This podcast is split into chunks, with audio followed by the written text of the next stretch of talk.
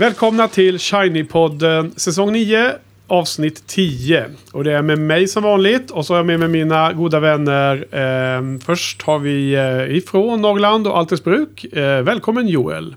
Hallå, hallå. Och sen såklart ifrån eh, Reading i the UK så har vi Frans. Välkommen Frans. Tack. Ja.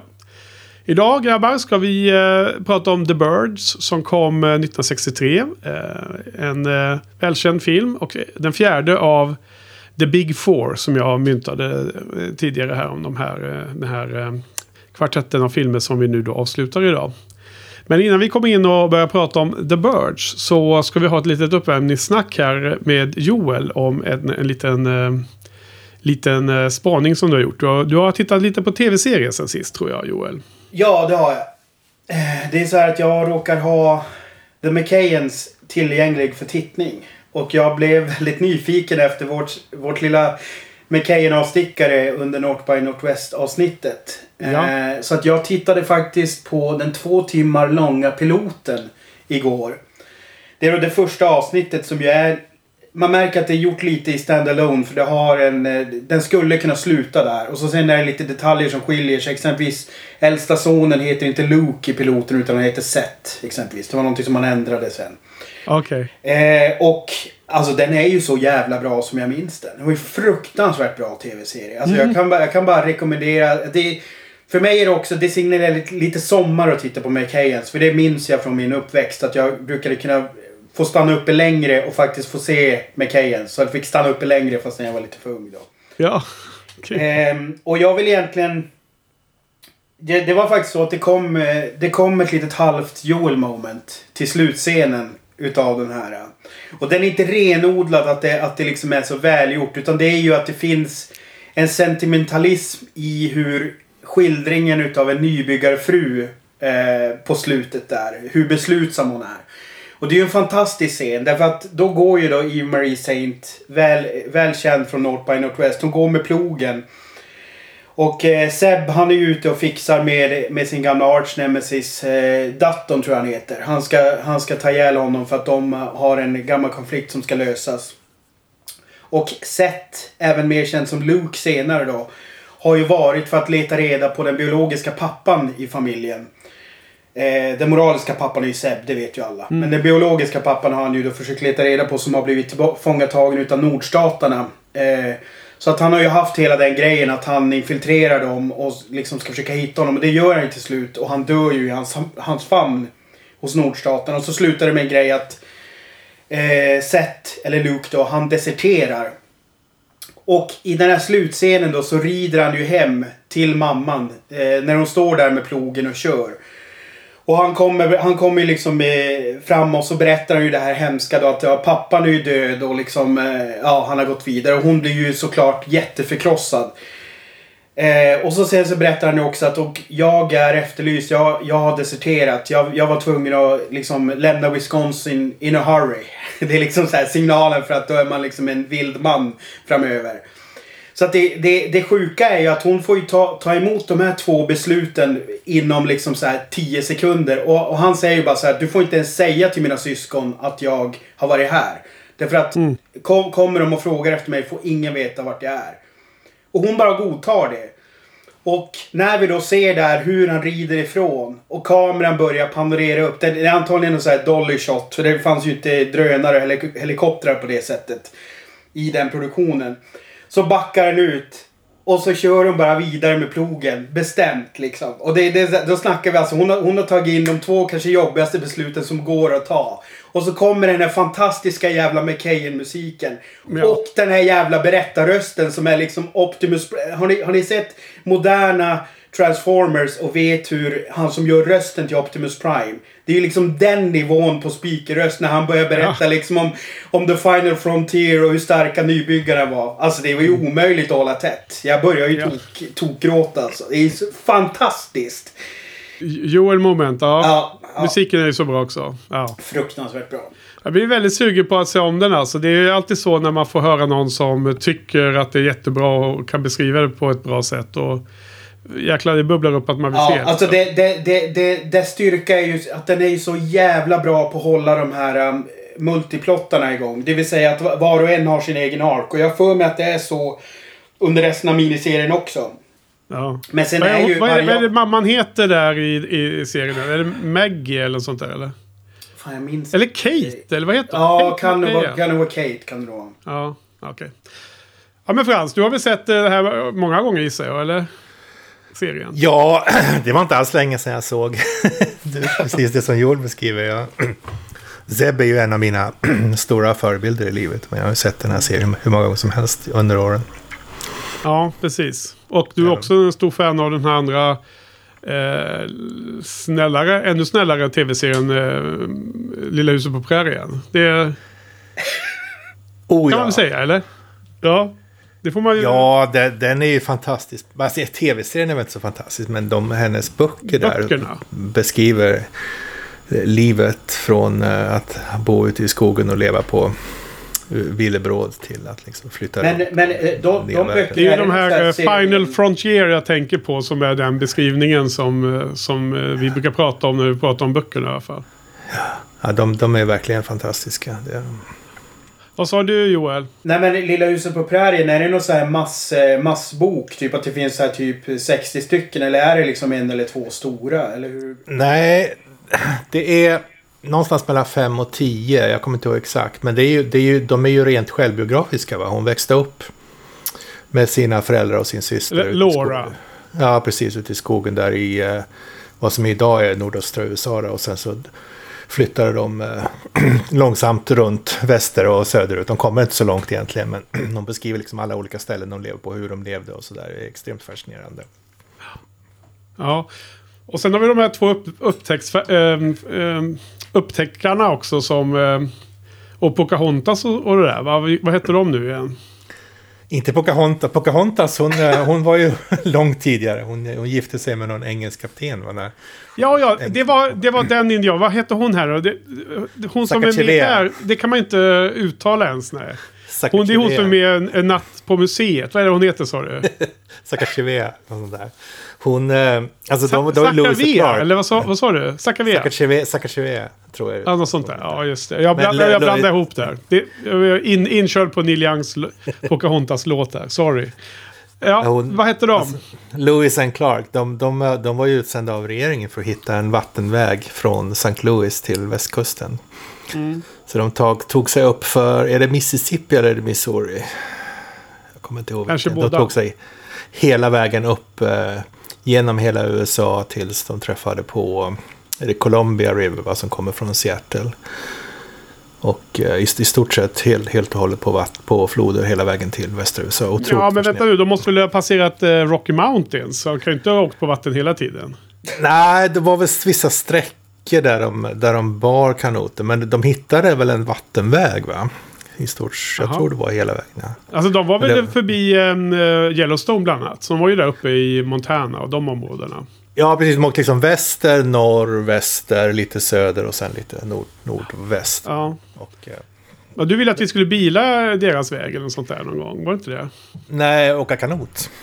Kanot. Ja, just det. Men det, det var nog jag som föreslog bilar. Ja, men jag har ju åkt omkring i de områdena flera gånger och då, då är det ju många eh, minnesställen, märken och sånt och eh, så här, eh, kulturhistoriska platser man kan besöka. Där det står sådana i Sverige är det sådana bruna skyltar, kulturminnesmärkt, så man ska åka in och se någonting. Såna, den, den typen av skyltningar, då ser man deras namn där hela tiden. Senast Ja. när jag var där med, med Per en gång, så såg jag ju eh, de omnämnda. Lewis och Clark var det va? Mm. Precis. Ja, okej. Nej, men jag, man drar ju sig till eh, minnes alla sådana här eh, diskussioner eller eh, ämnen när du pratar om The Last Frontier där, eh, Joel. Ja. Det är, det är samma liksom eh, skrot och korn då, Macahen-serien. Ja, alltså det... det alltså grejen är ju så här. Jag, jag fattar att det är någon slags nästan edutainment. Alltså att det nästan ska undervisa också. Det är nästan upplagt på det sättet. Men det är fan fantastiskt gjort alltså. Det, det, jag, jag kommer fortsätta se den. Jag, jag kommer... Jag kommer se eh, åtminstone miniserien. Jag tror inte jag pallar med Eh, det Hur- som blev lite mer... Hur, hur, lång, hur många säsonger är det? Hur många avsnitt är det? Vet man det eller? Jag tror miniserien är ju... Alltså grejen är att de är ju de är fan en lång, de är långfilmslånga. Det är ju som dina Poirot där som du brukar kolla. Ja. Så att ett avsnitt är ju drygt två timmar. Så jag får mig att det är sex... Sex eller tolv avsnitt. Som är miniserien. Och så sen så kommer det ju en... En eh, vanlig säsong som är mer Lilla huset på prärien-aktig. Som är typ timslånga avsnitt jag för mig. Okej. Och så kanske inte riktigt är samma... Eh, samma serie på ett sätt. Nej. Och Det är lite otillfredsställande på samma sätt som Firefly, va? att det bara la- lades ner. Så att det finns liksom inget slut på det, det bara tar slut mitt i liksom. Om jag minns rätt. Ja, det, jag vet, jag vet alltså som sagt, jag, jag, det var jävligt länge sedan jag sett hela serien till slut. Men jag har för mig att miniserien så som den och den tonen som den har som är lite allvarligare och tyngre. Det som jag beskriver liksom The Wire före The Wire. Jag har för mig att den har ändå ett relativt bra slut. Sen vet jag inte hur det är med, med det som blev den vanliga tv-serien så att säga. Då kanske det känns avhugget på ett annat sätt. Men jag minns faktiskt inte hur den slutar. Mm. Okej, men då har vi pratat lite om eh, the, the Old Wild West. Eh, då ska vi kasta oss in i eh, denna dagens film då. The Birds, Fåglarna på svenska. Eh, från 1963 som sagt. Um, och då är det ju en eh, eh, short story av Daphne du Maurier, eller en novell då. då. Och det, du har eh, läst den nu nyligen Frans för att kunna jämföra lite med filmen. Ja, precis. Jag insåg på din fråga häromkvällen att jag nog aldrig har läst den i hela mitt liv. Så att jag läste den på medels lju- ljudbok här i häromkvällen. Den är ju väldigt Ja. kort. Bra, men då måste vi återkomma till det så får vi höra lite hur du tycker att eh, om Hitchcock och hans eh, författare som har skrivit själva manuset som jag tror heter Ivan Hunter. Men vi vet ju också att eh, Hitchcock jobbar ju själv väldigt mycket med story medan eh, manusförfattaren är den som skriver dialog och sånt som jag förstår det. Ehm, vad de då vad de har fått till av den här novellen och hur mycket som, åt, som finns kvar och sånt. Men du, har vi någon synopsis på den här filmen för de tittarna som undrar lite vad The Birds kan handla om? Chick socialite Melanie Daniels enjoys a passing flirtation with an eligible attorney in a San Francisco pet shop, and on an impulse follow him, follows him to his hometown bearing a gift of lovebirds. But upon her arrival, the bird population runs amok. Suddenly, the townsfolk fa- face a massive avian onslaught with the feathered f- fiends inexplicably attacking people all over Bodega Bay. Ja, så var det. Ja. Men eh, vem ska dra igång eh, snacket idag då? Är det, ska du ta vid Frans? Eh, berätta, har du sett filmen många gånger i ditt liv? Eh, ja, det har jag gjort. Det är en sån här film som... Uh, en av få filmer då, som man man nästan kan utan till för man har sett den så många gånger. Ja, trevligt. jag, det, den, jag, jag tycker den är väldigt mysig. Stämningen sätts direkt när de har den här otroligt lustiga dialogen i eh, Pet Shop, vad säger man på svenska? Djur, djuraffären i, i början av filmen.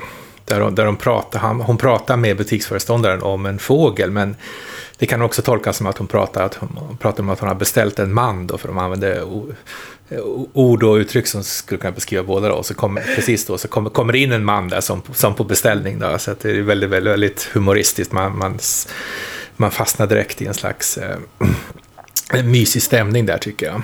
Ja, men det är ju en screwball comedy eh, som de inleder den här filmen med. För att sen glida över till en eh, drama och sen en eh, horror. Så att det är mycket Precis. väl medvetet av Hitchcock. Precis, och sen så kommer de här till den här byn och det är de här klassiska scenerna där fåglarna anfaller lite halv, halvhjärtat. Och det, det, det blir lite farligt, men de lyckas ta sig därifrån. Jag menar, det, det är inte någon jätte superskrämmande direkt, det är det ju inte. Men det är ändå lite, det är lite tankeäggande ändå att tänka sig. Jag menar, jag, när när jag går längs floden här ut mot där George Clooney bor så är det ett område där man har hela floden är full med svanar och promenaden är full med duvor och på ett av husen så sitter det massvis med fåglar på hustaken. Jag vet inte om ni har sett Ja. det fotot jag skickade någon gång där.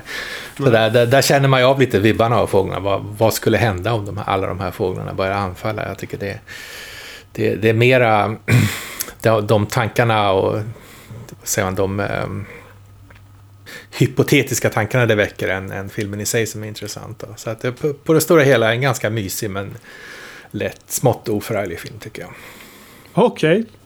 Oförarglig, ja men det, det, ja, det är kul med olika perspektiv. Eh, Du då Joel, vad tycker du om den här filmen? Eh, jag har alltid... Jag, när, du, när du kategoriserar de här som the big four. Så hade jag nog personligen eh, inte räknat in den. Eh, bara för att den hamnar liksom inom det här tidsspannet. Men jag har nog alltid tyckt att den har varit lite för slockig eller lite för Hammer horror-aktig. Liksom. Att det liksom är... ehm, eh, Alltså mer, mer bara skräckig. Alltså re, ren skräck liksom. Eller vad man ska säga, djurskräck liksom. Men, Ja, det eh, är det är sån här monsterfilm. Är det. Ja, exakt. Men eh, så att jag har alltid hållit den lite så här som... Eh, som ja, men liksom... Det är en kultfilm mer än en, än en bra film. Men jag måste ju säga att nu, jag, jag, det här var nog första gången jag sett den på säkert 15 år. Att den är ju förbannat aggressiv. alltså det, jag, jag, jag, jag, blir, jag blir fan förvånad över hur jävla drastisk den är. Alltså, alltså när de väller in från skorstenen där. Det är ju en helt sinnessjuk scen. Ja. Alltså det kommer så jävla plötsligt också. ja. Eh, nej alltså, det, och så sen jag måste bara lyfta fram specialeffekterna. Alltså det är så jävla... Alltså det håller ju fantastiskt bra liksom. Det, med, det, det är med, verkligen. ja, det tycker jag. Är du inte Vi- lite, lite så att säga förlåtande då av att det är ändå ganska gammal film? Att, att tänker att... Eller, eller på vilket sätt menar du att de håller? Är det liksom verkligen... Eh, håller verkligen mot idag? Alltså, vi- eller är det vi- bara att vi- det håller Nej, det, överraskande bra? Eller hur ska man Den, den, enda, det? den, den enda anmärkningen jag skulle ha det är ju de här... Eh, när, när, det, när det är någon form av eh, inklippta fåglar i luften. Alltså att när man ser... eh, Jag vet inte riktigt hur de har gjort det men det är ju någon optisk grej där man typ eh, dubbelexponerar film eller man lägger ihop två filmsnuttar och så helt plötsligt ser det ut som att det är en massa fåglar i skyn typ.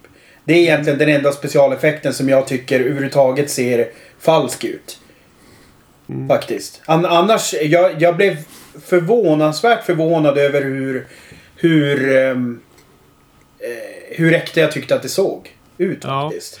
Ja, eh, det var ju väldigt, väldigt mycket av fåglarna i, i filmen är ju äkta. Jag menar saker Mm. som när fåglarna attackerar de små barnen när de har födelsedagskalas. Då har de ju liksom bundit fast fåglar. Fåglarnas små fötter har de ju eh, satt, satt fast på barnens jackor eller tröjor och sådana saker. Så att fåglarna försöker fladdra och komma bort. Det är sättet som det ser ut som att de attackerar. Är att de Ja. försöker komma undan. Eh, fåglarna är ju... ehm, alla fåglar man får se är tydligen... Alltså i otroliga mängder så hade de fåglar som var eh, professionella. Alltså det fanns eh, personer som kom som hade fåglar med sig som var, vad heter det, alltså eh, dresserade. Ja. Det ordet jag söker. Som, som då eh, fick delta, alltså korpar, kråkor, eh, fiskmåsar eller trutar eller vad det nu var. Och duvor och sånt. Så att de är ju... ehm, eh, väldigt specifikt hur de använt dem då liksom. Och de har liksom satt fast dem i olika ställen eh, flera gånger liksom. Och så så att eh, jag, jag trodde ju mer att, att de var, var lite så att ja, de har säkert någon glasskiva emellan och sånt. Och så flyger det bara omkring fåglar. Men tydligen var det mycket mer ofta att de verkligen var i samma rum som skådespelarna. Så det var ganska... Det Det, det, gick vilt, det gick vilt till och de fick gå liksom till sjuk till sjuksköterskan flera gånger och bli omplåstrade de här skådespelarna. Så det var ju, tycker jag, lite, blir lite mer badass då. Och, men, du, men du ser att du kan se detta, eller hur Joel? Du, Ja, nej men alltså det, grejen är att jag har ju jobbat med djur på set och vet, alltså på in, filminspelningar. Och vet ju hur jävla Mm. komplicerat det är bara om du liksom tar in en hund eller en ren eller vad fan det nu kan vara liksom. Ren, bara ja. det, ja. Men, men, och här när de då jobbar med den här mängden av fåglar. Alltså det är, det är Ja, alltså det är ju ett betygssnäpp upp bara för effort hur den är gjord. Men sen så Ja. tycker jag också att det syns ju hela det här att att eh, skådisarna är mer eller mindre livrädda rätt mycket. Alltså barnen är, ser ju fan vettskrämda ut liksom. Och det är, liksom, det är ju ständig interaktion. Eh, så att det, det, det känns ju så otroligt äkta. Och det, jag måste säga att det, det, det är det jag verkligen tar med mig från filmen. Att jag tycker att de scenerna håller förvånansvärt väl liksom. Och jag minns faktiskt inte att det var så här jävla mycket kaos. Jag hade för mig att det var en eller två scener bara. Men det är ju, det är ju faktiskt väldigt mycket. Det är bara en scen som jag tycker var för lång. Det är när hon står i telefonkiosken där. Där tycker jag de kunde ha klippt ner lite. Ja, precis. Ja, det finns ju på Blu-rayen så finns det väldigt mycket extra material och framförallt en lång, eh, en timme och 20 minuter lång dokumentär faktiskt. Om, eh, där de intervjuar då Um, Tippi Hedren, mycket, mycket. De intervjuar Veronica Cartwright som spelar flickan. Då, eh, lilla, vad hon nu är, 10-12 år, 13. Och även Rod Taylor som spelar Mitch då. då. Så att de, de tre eh, är med väldigt mycket. Och så, som vanligt då Hitchcocks dotter som brukar vara med och bli intervjuad i de här fallen. Så man får höra ganska mycket roliga stories bakom. Och Tippi Hedren hade ju någon eh, korp eller liknande som, som blev eh, hennes bästis. Och den var, den, var, den var så snäll den fågeln så den kunde inte vara med och filma för att den liksom pickade aldrig så här som man ville att de skulle göra. Eh, Och de använder ju sådana här olika mat då som fåglarna letar efter. Det var ett sätt att få dem. Bland annat så hade de ju mat på kamerorna när de filmar så att fåglarna flyger rakt mot kameran. Eh, och ibland så kraschar ju eh, fåglarna in i kraman då när de skulle ta någon sån här lite köttstycke och så. Om det kanske var de här fiskmåsarna bland annat som man får se när hon eh, står i telefonkiosken bland annat. Så, men när de kommer jättenära in mot linsen då, då är det tydligen mat som är på plats där och det är väl, det är väl ganska naturligt. Eh, nej men så hon hade någon kompis där, någon fågel som hon eh, gillade och den kom in i hennes, eh, eh där hon bytte om och såna grejer och de var kompisar. Medan den här Rod Taylor som spelar Mitch, han hade ju någon, eh, någon fågel som hatade honom. Som attackerade honom så fort han kom in i rummet. En specifik fågel. Och liksom, så han, han skämtade ju om det hela tiden. Men han sa lite så att han frågade alltid så här lite om den fågeln var där innan han skulle gå in. Och då hade ju så typ fågeln gömt sig uppe, eh, liksom, uppe vid taket och kom ner flygande och hackade på honom och sådär. Ja, jag vet inte hur mycket efterhandskonstruktioner det var. Men det verkar som att det var en lustig miljö att spela in film i i alla fall.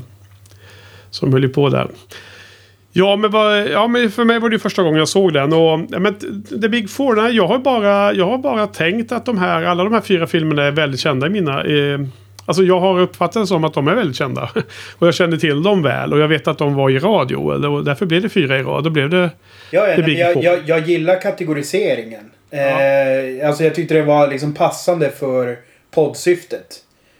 Sen, Ja. sen hade jag som sagt på förhand hade jag nog inte. Hade, Ja, men jag vet ju hur enormt... Alltså det är så här... Om du, om du väcker upp folk... eh, Alltså van, inte filmvetare utan kanske folk som är... Eh, I alla fall eh, kanske i vår förä, våra föräldrars ålder. Och de ska säga typ en Hitchcock-film. Då är det nog väldigt många som säger Fåglarna utav dem. Är det inte så? ja, ja, jag vet inte. Men du får gärna dissa mig hur mycket du vill. Och det får alla göra på kommentarerna. Gå in och dissa oss alla, alla tre. Allt vad ni orkar. Det är välkommet. Alltså, jag menar bara mer som slagkraften i filmen. Det var Ja, ja, ingen, ja. ingen pik på din ålder eller någonting. Nej, jag vill, eh, jag vill bara eh, bjuda in så inte lyssnarna tror att de behöver vara försiktiga i sina kommentarer. exakt, exakt. Det är bra. Ja. Jag kommer faktiskt inte ens ihåg vilken som är filmen efter den här. Så att några Big Five var det inte frågan om i alla fall. Jag vet inte, är det Marnie som är nästa? är Mar- eller Marnie. Det? Ja, det är Marnie Något annat? nästa. Ja, okej. Då, hade, då gissade jag rätt. Ja, men så, det var första gången jag såg den här då. då och eh, jag får väl säga att eh, det matematiska mönstret, eller om man ska säga så, eh, återupprepar sig då. I det här fallet där Vertigo var en stor positiv överraskning. Och sen blev ju North by Northwest något av en letdown. eh, jämfört med vad jag kommer ihåg den som en så himla eh, mysig film som jag verkligen hade höll, höll högt. Eh, på samma sätt så av de två som jag då inte har sett så var ju Psycho, trots höga förväntningar så blir de nästan överträffade. Och den här filmen känner jag väl att den var kanske lite en besvikelse jämfört med vad jag hade förhopp förhoppningar om. Um, för jag hade nog ganska höga förväntningar på det här. Jag, jag tycker att jag har hört liksom att folk uh, hyllar den här ganska mycket. Um, Ja, ja, som som eh, monsterfilm så var det inte direkt att jag tycker att den här eh, funkar så bra i ehm, känslorna. Liksom. Jag tyckte inte att den blev så... Jag hade trott att den skulle vara lite mer ehm, ja, spännande helt enkelt i någon, någon mening. Jag, jag vet inte, jag, jag, tyckte inte att det blev så effektfullt så som du beskrev Joel. Okay. Men, men, men, det är klart att när jag ser dokumentären och ser allt de har bökat med för att få fåglarna att bete sig på olika sätt. Så jag är imponerad av det, men det är ju inte det slutresultatet var när jag såg filmen första gången. Um, sen var jag lite besviken över Tippi Hedrens uh, Melanie. Jag tycker att hon är ganska sval och ganska Eh, tråkig under andra halvan av filmen. Eh, däremot gillade jag den som fan i början. Då när det var det här screwball comedy och hon liksom verkar vara en jäkla rolig eh, tjej. Eh, men sen så blir hon liksom mer och mer tam, inte tam utan mer och mer eh, blek liksom. Hon står inte ut lika mycket i mina ögon. Så, så jag tycker att liksom det, det liksom blir en omvänd eh, utveckling av den karaktärens liksom, resa inom filmen. Och hon blir väldigt mycket en damsel in distress i slutet. Uh, Nej, men det, jag, jag, jag, håller med dig till fullo. Jag, jag gillar uppbyggnaden från början extremt mycket och att hon liksom tar sig an det uppdraget att leverera fåglarna trots att det är så jävla omständigt. Eh, och att hon gör det on a whim liksom. För att hon har ju faktiskt aldrig pratat med karln innan hon träffar honom i, i fågelbutiken om jag förstår det rätt. Ja, hon ska göra det som ett hyss med. Ja, liksom, att exakt. övertrumfa honom. Och jag tycker det är en jäkligt rolig karaktär som mm. jag gärna hade sett mer av. Men det var väl i hennes, eh, ska man säga, trygghetszon. Medan hon blev mer och mer i en otrygg zon. För att eh, istället så tyckte jag ju att eh, eh hon, Annie Hayworth, det vill säga mm, eh, lärarinnan i skolan var ju den eh, kul karaktären här som var lite udda biroll. Som var liksom eh, svartsjuk och ändå ganska frejdig. Inte liksom den här tråkiga versionen av svartsjuk som bara ska bli en elak konflikt mellan kvinnorna över den fagra mannen. Utan det var snarare att de hittade sig en, en relation snabbt ändå jag, jag tyckte det fanns något intressant i henne. Och det var så roligt här Frans, eh, för vi hade lite eftersnack du och jag. Men jag, jag såg ju direkt att men hon är ju jättelik Audrey i Twin Peaks. Men du då som, eh, som mestadels kollar på gammal film Frans. Då sa jag, ja men det är ju Liz Taylor liksom. Hon är så lik. Ja, och då kopplar jag ihop den, eh, den trion med att ja, det är klart det är eftersom Audrey i Twin Peaks alltid har man läst om flera gånger att hon är så lik en ung eh, Liz Taylor just. Så att cirkeln blev sluten där då. då. Hon har, hon har det här uh, lidelsefulla, samma som Liz Taylor, som nästan är en dimma av kättja framför ansiktet på henne när hon pratar. Ja, exakt. Gammaldags ord. Jag vet precis vad du menar Frans. Eh, och det är väl kanske något i det, jag vet inte. Men ja, absolut. Men nej, ja, jag vet inte om det var det egentligen, eh, lidelsen här. Men jag tyckte att hon var... Jag, jag, jag tyckte att när eh, Melanie Daniels dök upp där så var hon fortfarande ganska frejdig när hon bara tog sig in och ljög hejvilt om, om allting eh, och skulle bo över där hit och dit. Men, men sen så fall, blev hon fejdade hon för mycket i mina ögon. Eh, den manliga huvudrollen tyckte jag var ganska mm, slätstruken mest hela tiden. Eh, förutom att han lustigt nog var ganska till utseendet ganska lik pappan i Lilla huset, Lilla huset på prärien om man nu ska prata om det. Alltså Ing, Mr Ingalls som han nu hette i den serien. Jag tyckte att Rod Taylor såg ut som den mannen i vissa eh, silhuetter och sådär. Ja, okej. Okay. Ja, det kan du rätt säga. Ja. Och sen då den, den sista är ju då Veronica Cartwright som vi senare såg i Alien när hon var äh, vuxnare. Så stackare. Hon har blivit jagad av både fåglar och hackad i och, och sen en alien och dödad av mördad. Så inte lätt liv. Och sen var hon ju med i den här äh, Häxorna från Eastwick också tror jag. Alltså, det, hon har ju en, hennes mest ikoniska roll har du inte ens tagit upp. Eh, Vilken ska det vara då? Det är när hon spelar fru, astronautfru i Det rätta virket. Och hon är ju, Okej. fru, hon är fru till den här uh, astronauten som fuckar upp. Du vet som... som, som eh, Men jag har inte sett den filmen. Nej okej. Nej. Nej, det- Vilken, vilken, vilken är det Joel? Är det A Few Good Men eller? Nej, den heter The Right Stuff. The Right Stuff, Det är en det. å- å- 80-talsfilm. Ja, ja, precis. Jo, du vet. Fast jag är inte helt säker på att är det verkligen eh, rätt det här? Jo, det är det. Här hittar jag den. Därför att på IMDB så är det alltid fyra filmer som lyfts upp på framsidan. Och då är ju faktiskt den inte med där. Så att Nej, men det är ju en de har, inte, film. de har inte valt ut den. Men det stämmer. Hon är ju med här och eh, hon spelar Betty Grissom. Precis. Eh, Fred Wa- Wards. Eh, Han spelar Gus eh, var, varför jag tog upp den, det är ju, alltså hon är ju med väldigt lite. Men det är ju den rollen som sticker ut. Det finns en fantastisk scen när hon liksom inser att, att de kommer inte få lika mycket berömmelse som de andra, de andra astronautfamiljerna. På grund av en händelse som sker där. Och den sorgen som hon spelar där är väldigt bra. Okej. Så att det, för, för mig är det hennes... Den där skulle jag vilja se faktiskt. Mm. Den, det är ju eh, spännande eh, tema. Det är... eh, Ja, den är sjukt bra. A- Apollo... Mercury och Gemini och Apollo-programmen och alla de här va? Det är alltid kul. 13 minutes to the moon Frans. Kommer du ihåg att du tipsade om den i eh, rapporter från apokalypsen? Ja, just det. För något år sedan, ja. Ja, något, det är länge sedan. Och nu har jag sett, nu har jag lyssnat på um, den podden eh, åtminstone halva första säsongen och det är helt fantastisk.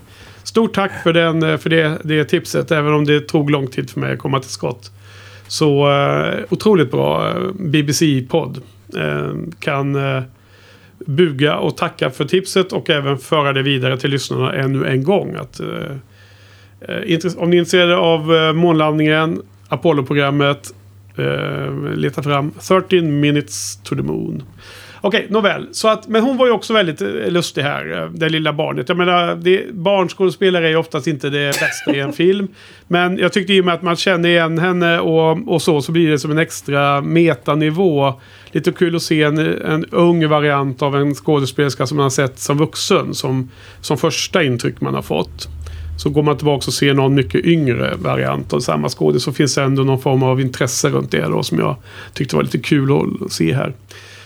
Uh, men så jag var, jag var vagt, eh, vagt eh, besviken även om filmen är ganska bra överall, överlag. Den är, den, är, den är ganska bra men den är ju inte alls så bra som till exempel Psycho. Det, det måste jag ändå hävda i detta. Ja, men du då Joel, eh, du gillade specialeffekterna men vad, vad säger du om hela filmen i helhet liksom? Jag hörde aldrig riktigt vad du tyckte Nej, filmen. nej men alltså det, det är väl lite sådär att det blir ju sämre och sämre om vi nu pratar karaktärsporträtten. Jag, jag tycker hela familjen med eh, just det här att Rod Taylor skulle ha en lilla syster som är eh, 11 eller vad fan hon är. Och mamman ser konstigt nog ut. Nu har jag inte kollat ålder så att det kanske inte är... Men det ser, nästan ut som att de har sminkat henne för att de ska se äldre ut. Men det blir också konstigt när hon har en 11-årig dotter. Ja, Eh, hon är ju född eh, 09 då. Jessica Tandy. Så att hon är ju alltså 54 den här spelas in. Och han är ju, han är ju 33.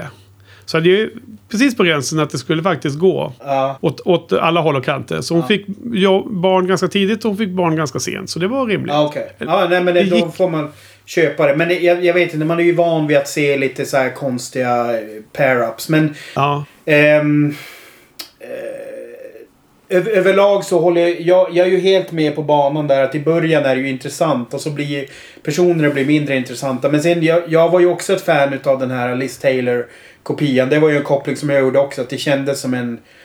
Att eh, man ville ha in någon slags Liz, Liz Taylor-liknande Ja, hon, hette, hon heter, eller hon har, hon har gått ur tiden, så hon hette Susanne Plachette.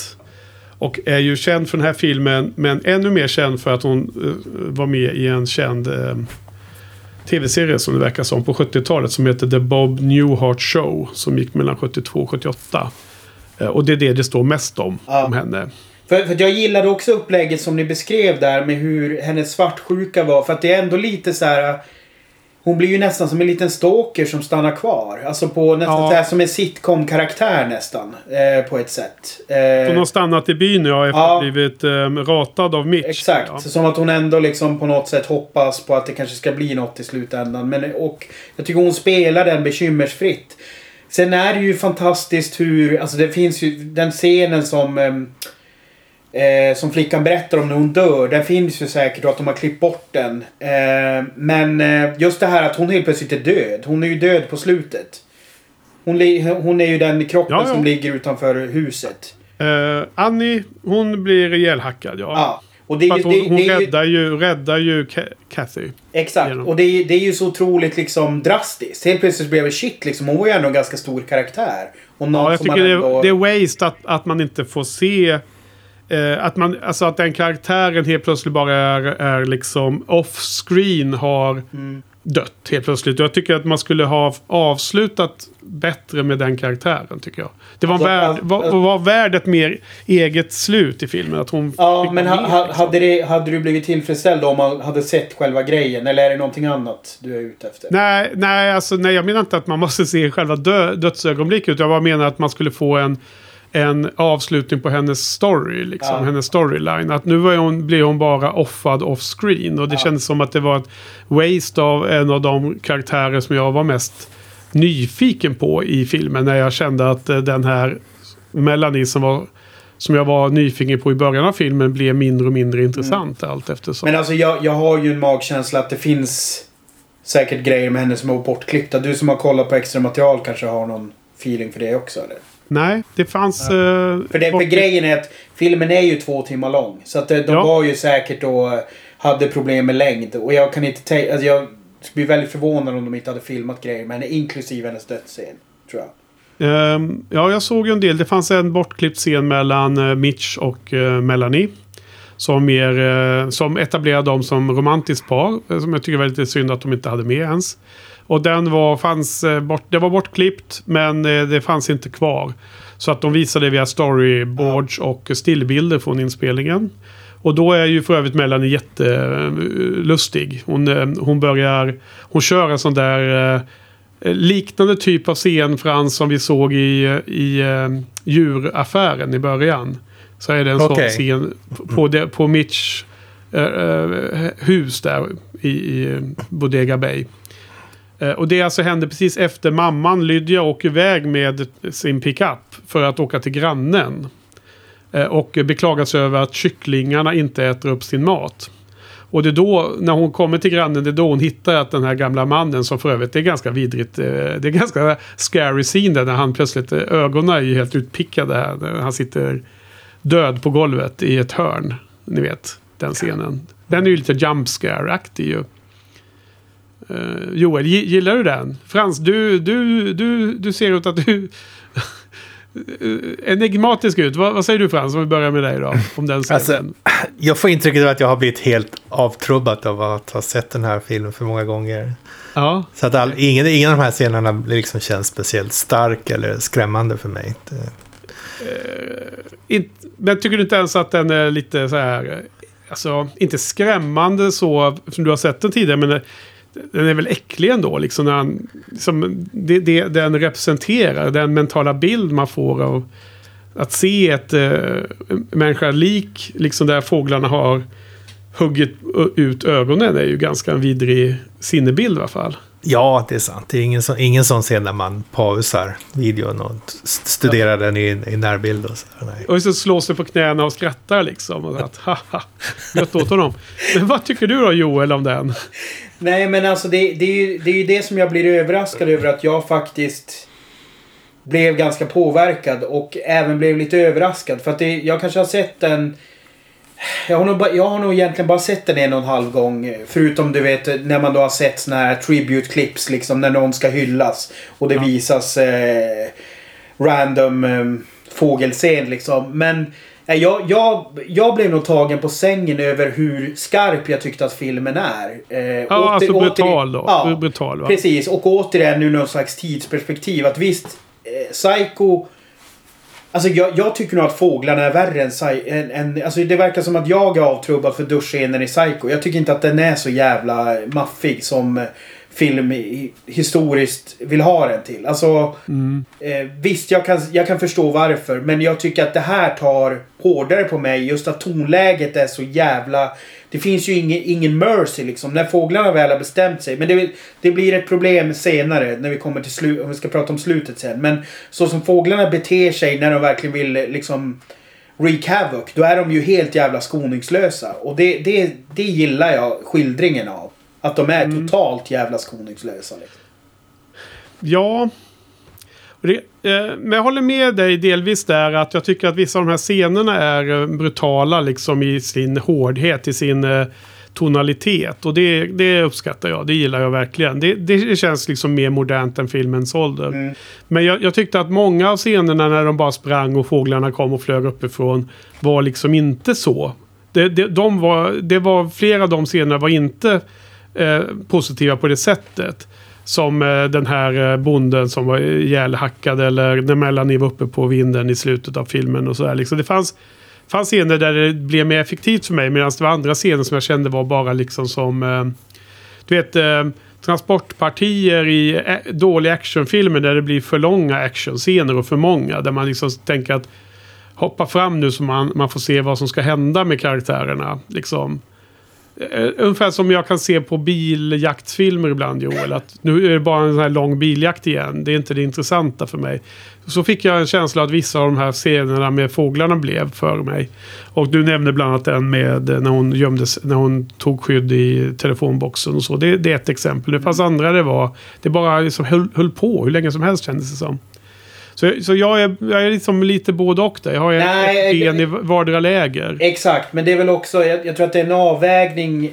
Jag, jag, tror och, jag tror faktiskt att det kan spela in att de själva var imponerade av vad de kunde göra och att det blev Ja, mycket. det, det, jag tror absolut att de har blivit förtjusta i sin sätt att lösa de tekniska problemen. Och då, då får de sina darlings som de egentligen, Joel, om de hade gått i, i en modern filmskola lärt sig att de skulle, vad är det, cut your darlings mycket mer. Jo.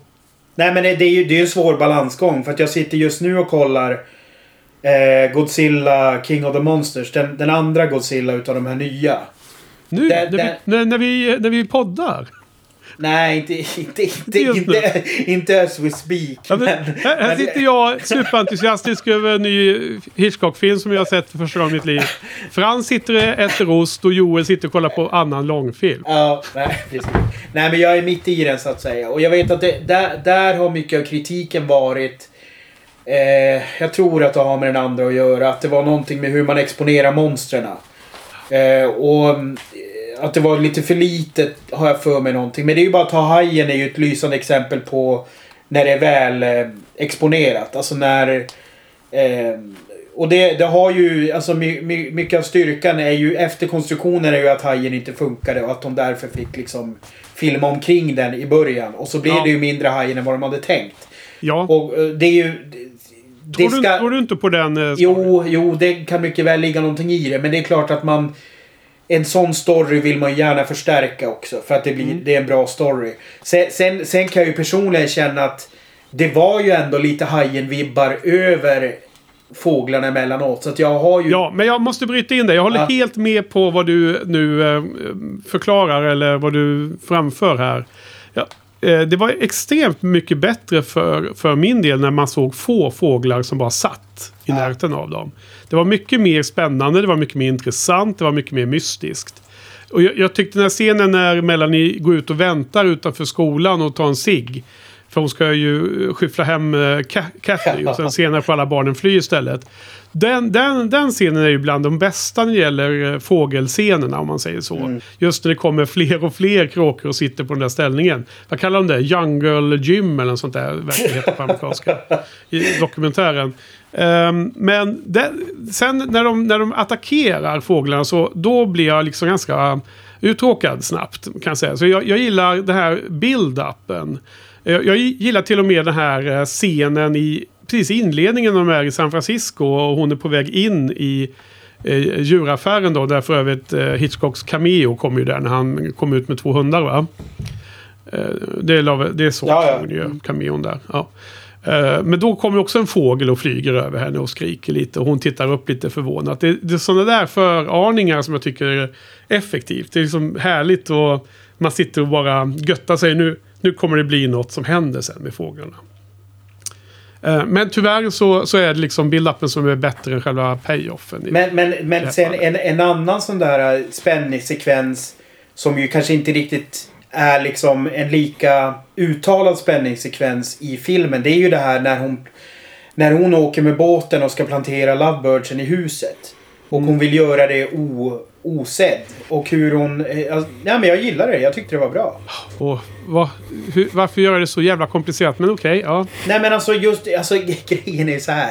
Det jag vill åt är ju att Alltså han har ju i ryggmärgen och filmar sekvenser som blir spännande. För att jag, jag satt ju så här när hon, när hon kollar bak i sig och hon vill bara...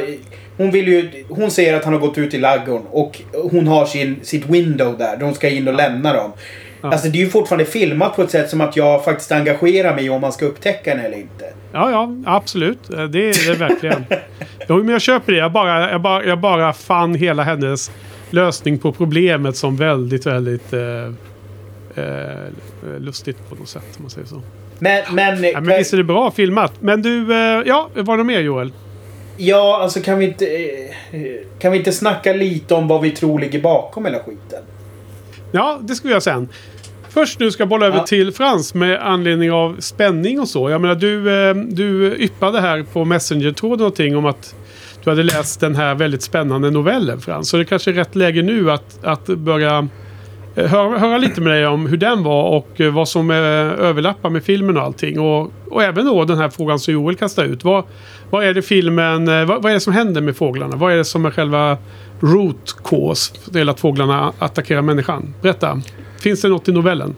Ja, jag ska säga först att den är väldigt bra och den är väldigt kort. Så att eh, om man inte har läst den så kommer jag att spoila den väldigt mycket nu. Så att det kan vara värt att hoppa över och sen eh, läsa eller lyssna på det. Den tar en timme ungefär att lyssna på. Men den är extremt spännande och jag tror jag skrev till er i Messenger-tråden att plötsligt så fann jag mig själv sittande i en, helt, i en ställning helt förvriden av eh, skräck. Ja, Be- Benen var i alla möjliga vinklar liksom. ja, ja. ja. Vi, vi, jag läste det med, med stor njutning och jag ville ha fotobevis men... Ja, Nej, men hon, hon, är ju, hon är ju då, som du vet, från, eh, från Rebecca framför allt och även andra böcker, att hon är mästerlig på att långsamt, långsamt bygga upp den här orosstämningen och eh, skräcken. Man vet inte riktigt vad som händer, men det blir mer och mer, man blir mer och mer orolig hela tiden. ja. Och boken är väldigt, alltså kanske en av anledningarna till att jag också blev avtrubbad när jag såg filmen är att den är så pass lindrig i jämförelse med boken. boken är, alltså novellen är ju totalt kompromisslös. Det, den, den handlar inte om, eh, det är inte samma karaktär överhuvudtaget. Den handlar om en man som lever med sin eh, hustru och två barn i en liten gammal stuga vid kusten i Cornwall, alltså sydvästra England. Och en natt så vaknar han av att barnen skriker. Han går in i deras sovrum och upptäcker att det är massa fåglar som har kommit in där och börjar attackera barnen. Så han, han föser ut barnen och eh, lyckas övermanna fåglarna med något lakan där och sen så tänker han att ja, det var konstigt liksom. Och eh, de, de kanske kom in här och blev slagna av panik och liksom, det är det som är förklaringen. Så att nästa dag så går han ner till byn eh, och pratar med folk men ing, ingen som tror på honom. De bara liksom avfärdar vad han säger som att han har drömt typ. Så han går hem och samlar upp fåglarna i en säck och så ska han gå ner till stranden och begrava dem eller kasta dem i havet. Då. Så ser han vågorna på havet, som det är det här vitt skum på vågorna. Vad heter det på svenska Henke? Är det skägg eller vad säger man? Eh, nej men... eh, oj, oj, nu överraskar du mig.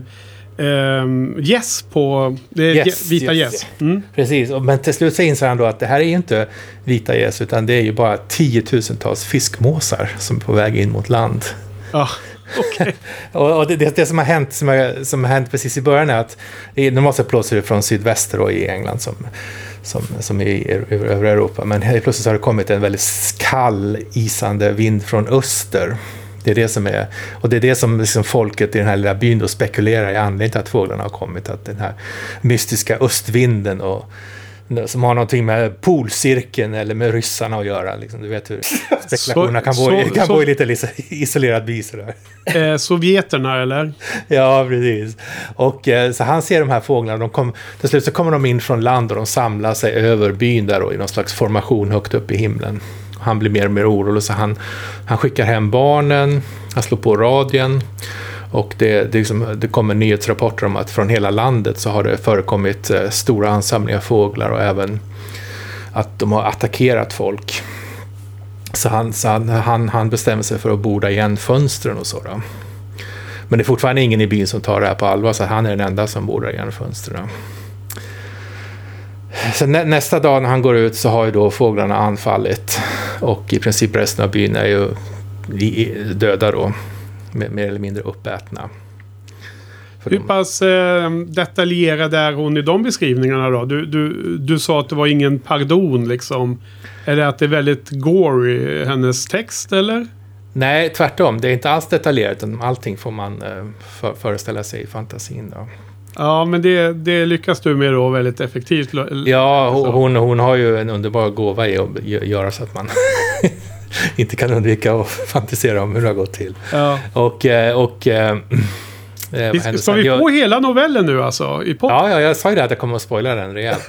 ja, okej. Och Men jag, jag tror man måste, måste beskriva hela för att förklara skillnaden mot filmen och, och vad, som, vad som eventuellt ligger bakom och sådär. Ja, ja, okej. Så att, så att han börjar då tänka att just nu anfaller inte fåglarna. Det kanske är så att de har ätit sig mätta och eh, liksom, när de blir hungriga igen så kommer de att anfalla igen. Så han liksom lyckas, eh, han, han går runt i husen och samlar ihop den mat han kan och sådär. Och så helt plötsligt så slår det honom att det här var ju då fiskmåsarna och småfåglarna. Vad hände när eh, hökarna och gladerna och, och falkarna kommer?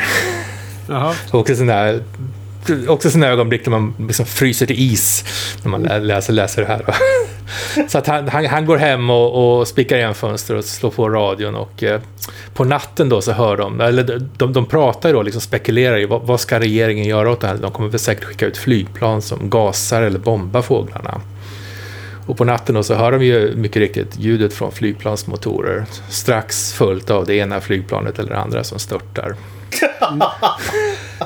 Och så säger, så säger de till slut då på, på radion att ja, vi, vi stänger ner sändningarna för dagen. Vi kommer, vi kommer å, å, återuppta sändningarna imorgon bitti. Och i slutet av boken så är det då dagen efter. Han slår på radion. Det, hör, det finns ingen eh, total radiotystnad.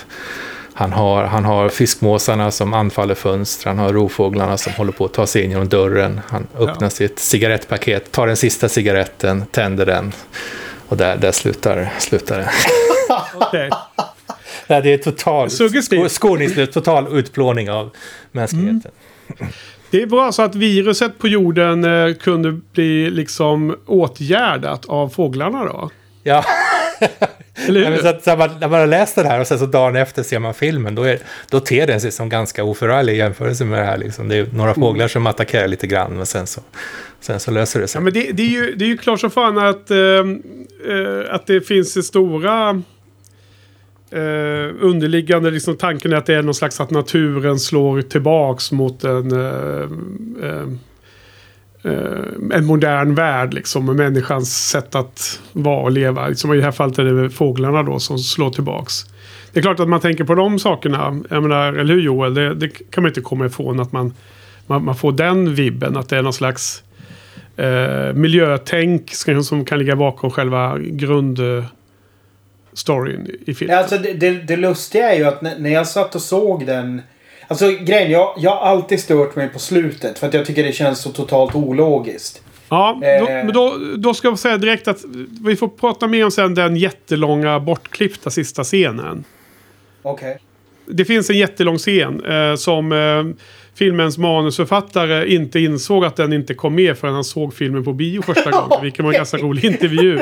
Han, han, han såg ganska störd ut kan jag säga. Man hade skrivit en lång, ett långt slut. Som, men han sa så här att antagligen var, tog det för lång tid. Det- var ungefär en kvart, 20 minuter lång scen som han tyckte saknades i slutet. Ja. Så då hade, då hade de tyckt att två timmar får räcka. Nu, Ja. nu slutar vi det här. Nej men... Så fortsätt. Nej men alltså... Så för- som det är idag. Ja precis. Alltså, för, för då är det ju mer eller mindre att de, eh, de är totalt omringade. Typ alla typer av fåglar sitter ju runt huset. Och de i stort sett... Eh, går, alltså, Rod Taylor går ju ut, förbereder bilen och allt det där. Och så sen så smyger de sig ut. Sam, samtidigt när han rör sig bland fåglarna så är de ju hugger på honom. Alltså enskilda fåglar som är och liksom hugger och pickar. Nej, de bara nafsar. Ja, men... Na- nafsar precis. lite. Men det är ju ändå... Det, det är ju, alltså, jag tycker att det, det, det beteendet i sig blir ju en avstickare här. För då är det ju fortfarande att de har ju aggressiviteten i sig. Så att jag blir lite konfunderad varför de inte attackerar. Speciellt när de kommer ut eh, när han har de andra med sig. Alltså jag kan förstå Ja. om de tänker intelligent att okej, låt honom tro att vi inte gör någonting. Eh, och så sen när han kommer med de andra att de bara alla bara totalstormar. Att det... Men, det är, eh, men eh, hur är din tolkning då? Hur har, Nej, nej, men det- hur, har, hur Alfred tänkt?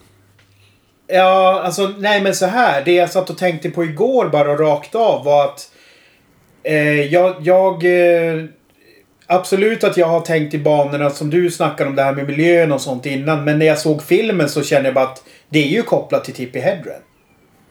Alltså det händer ju bara, alltså det börjar ju, alltså jag vet att det inte makes sense och det förklaras ju inte i filmen. Men, alltså... Du menar att hon är, hon är den där häxan, den där Ja, Evil, precis. som, Det- som det den som där de säger- äckliga kvinnan hävdar i Exakt. den scen. För att jag menar det börjar ju med henne. Det börjar, attacken i båten är ju det första som Ah. Nej. Jo men och så sen andra gången hon är hemma hos Liz Taylor där. Då, då kommer den och smashar in i dörren och dör. Så att det, Ja. uppenbarligen är det att hon är ju någon slags magnetism till... Nej, Frans, nu måste vi sätta ner foten någon gång. Ja, Alltså, är det inte så i filmen som i boken att det börjar med den här konstiga vinden? Va? För, säger man inte det i filmen också? Är det någon nyhetsrapport i början som så här pratar om att det kommer någon uh, kall Väldigt vind? subtilt i sådana fall. Det var inget Ja. jag reagerade på. Nej, Jag, tror, jag har nog aldrig tänkt på det förut, men just efter att ha läst eller lyssnat på boken så så lade jag märke till att det, det faktiskt var med i filmen också. Men, men, eh, men förutom den förklaringen som, som jag, jag sa att han trodde att de eventuellt anföll när, när de var hungriga helt enkelt. Så, så tänker han också att det kanske är så att de bara anfaller när det är högt tidvatten, alltså när det är flod. Så att, men, de, de, är ju helt isolerade i den här byn. Ingen av dem förstår ju varför det händer, men de te- teoriserar ju då allt från ryssarna. Ja, de hittar olika mönster som de vill försöka förstå. Precis.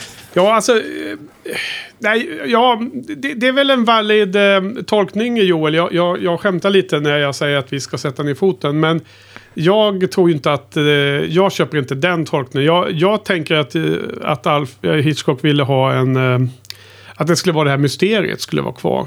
Genom att sluta på det här sättet. Det skulle vara, alltid skulle lämnas obesvarat. Liksom, antingen så var det här bara freak accident eller bara liksom en, till, en anomali i na, det vanliga naturliga livet. Eller så är det liksom bara att de fåglarna väntar på nästa attack och det kan ske eh, mot människorna oavsett var de befinner sig. Liksom. Det, åt, åt det hållet tänker jag. Ja, fast hade inte... eh, Jag... Jag kan hålla med dig, men jag, jag, jag, jag tycker ändå att det blir, slutscenen blir konstig. Ja, Oavsett. Därför att det, jag hade köpt den tanken mer om de bara var borta helt plötsligt. Ja då, har det, då, då det också varit en sån. Eller man hade sett ett svart moln på horisonten. Man förstår Ja. att där, där flyger omkring. Men det, det är så många, många olika referenser som jag tycker att man ser eh, i modern film. Nu när jag ser The Birds för första gången. Eh, det jag tänker på väldigt mycket när jag såg filmen var ju Night of the Living Dead. Där det är liksom, då är det ju zombies istället för fåglar. Ja. Men De, de hamrar och, och eh, barrikaderar sig i sitt hus och de är där inne och det är liksom en, en brokig samling och sen så, eh, ja så mm, är det liksom lite oklart om de kommer klara sig ändå till slut och, och flera av dem dör och så vidare. Så det finns många likheter där då. Men där är liksom naturens eh, eh, slag tillbaks mot mänskligheten är ju då inte i form av eh, köttätande fåglar utan det är ju då i zombisar. Så att det är ju precis samma typ av genre men lite olika eh, sätt att uttrycka den rädslan liksom som, eh, som de här, de här skräckfilmerna tar fasta på liksom.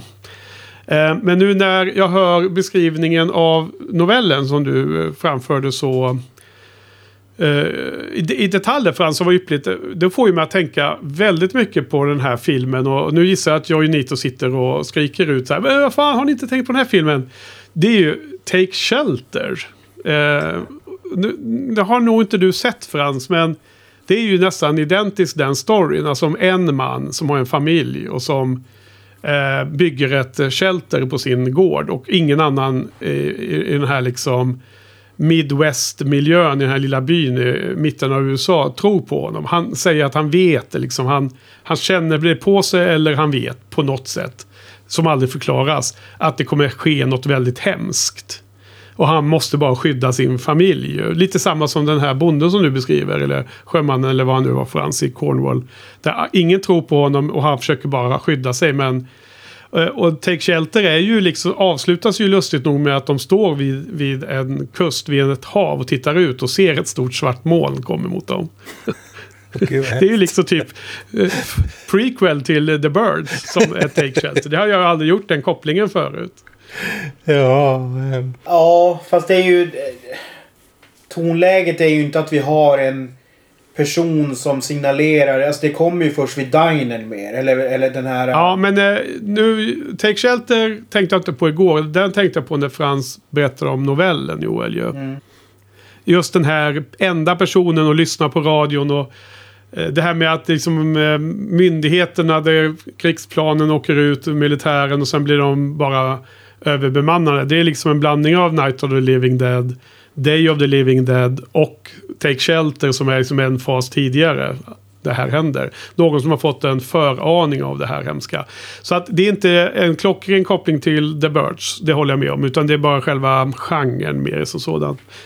Um, men, men den där scenen på The Diner med alla dessa olika kufiska personer och den här eh, tanten med två barn som slutar med att eh, anklaga Melanie. Va, vad säger du mer om den då Joel? Det lät som att du skulle säga, prata om Nej, nej, nej, men jag, jag, jag gillar den scenen. Jag, jag, tycker, jag tycker framförallt är det intressant med den här kvinnan som kan så mycket om fåglar. Och som håller liksom fågelföreläsningar stup i kvarten. Och som till slut sen då får abdikera inför det faktum att eh, liksom... eh, Ja, att det faktiskt var ett regelrätt anfall. För det är alla, när, när de kommer in sen och helt plötsligt alla, alla tittar på henne som att det är hennes fel. Då har ju alla vänt. Innan har det ju varit liksom väldigt såhär, nej men nu hittar du bara på. Och så sen har man det här byfyllot. Som ju är liksom mallen för ett byfyllo som liksom har räknat ut att apokalypsen kommer. Där har du ju den, den typen av karaktär. Ja, just Han det. är- Men här, den här gamla eh, dryga tanten som har berättat att det här kan inte ske. Ja. Eh, Ma- Madame eller vad hon heter. ja, jo, nej men hon är väldigt fågelkunnig liksom. Ja. Hon är ju experten. Jag tycker att den karaktären är ganska bra därför att den, hon representerar väl en slags åsikt av oss i publiken som sitter och eh, undrar över vad, vad är det som händer här. Det här är som ett sätt att addera till mystiken. Alltså om han för in en expert i handlingen som säger att det här kan inte ske.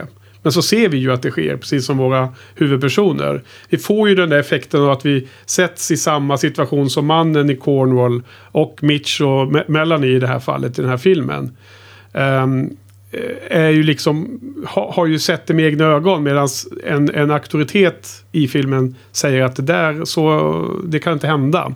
Alltså, jag, jag tycker att polisen fyller ju den funktionen i filmen. För att han är ju med tidigare och säger exakt samma grejer.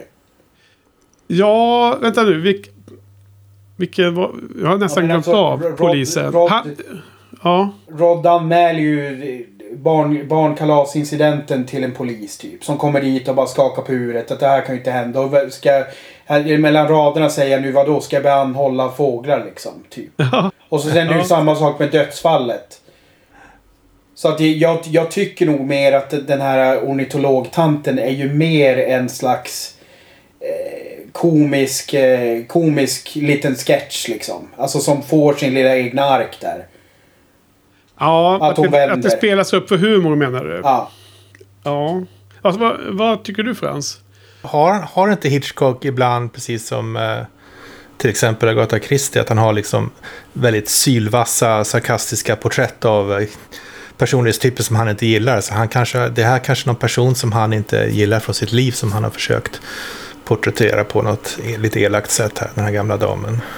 Absolut. Lite, lite som... Eh, du nämnde eh, Agatha Christie, men även hon eh, Harry Potter-kvinnan har ju skrivit många de har ju förstått efterhand att, att många av de här lustiga karaktärerna runt omkring i Harry Potter-världen är folk som finns i verkligheten som hon känner.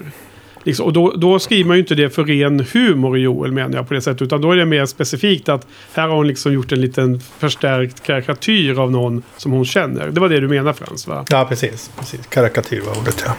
Ja, karikatyr. Ja, men det, det kan väl vara en, en, en det kan väl vara en um, blir en, en humoristisk klang i det. Även om inte jag såg henne som så. Att, att det var bara för humorn där. Det, det, jag, jag tyckte filmen hade förvarnat så många gånger om, och vi har även sett attacker av fåglarna. Så att det var ju en fas av filmen där det var eskalering av fågelvåld som var det förväntade liksom. Och så stannar man upp lite och liksom eh, man har massor dialog mellan olika förvirrade karaktärer som vill reda ut vad som händer. Och, och någon sa att det här kan inte hända. Någon annan eh, fyllbulten som du sa Joel var väl någon slags domedagsprofet. Eh, det var rädsla med mamman och barnet och alla de här olika eh, förväntade eh, liksom, åsikterna som finns i en sån grupp. Och sen kommer nästa attack. attack. Så jag vet inte om det var...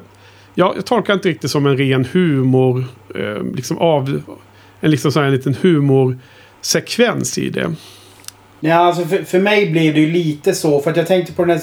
Alltså, den sekvensen med när, när bensinen börjar rinna ut från, eh, från macken. Mm. Och han ska tända sin cigarr där. Ja. Då, då satt jag och förväntade mig, okej okay, nu kommer han ju, han kommer ju höra dem så att det blir inte han som antänder.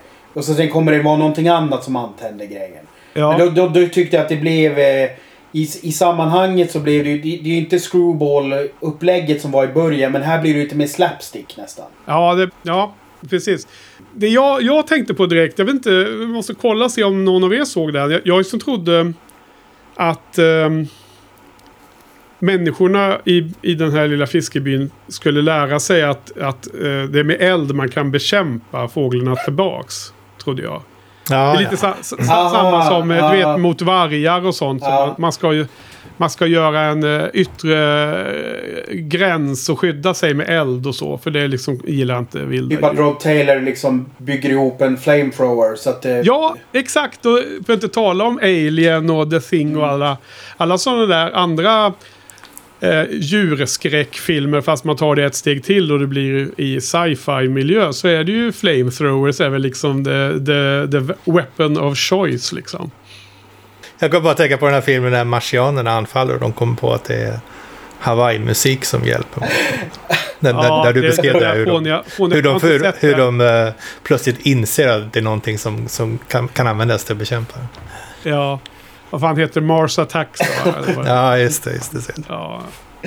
Aldrig varit 20 på att se den. Den verkar så jäkla fånig faktiskt. Men den är, den är säkert festlig. Har, har du, gillar du den Frans eller? Jag har sett den en gång. Jag tyckte den var hysteriskt rolig. Ja, se där.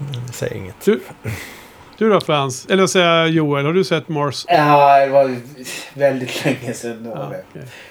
Nej, men alltså det, den aspekten tar ju, rör ju filmen aldrig vid. Det, det är inte som att människorna...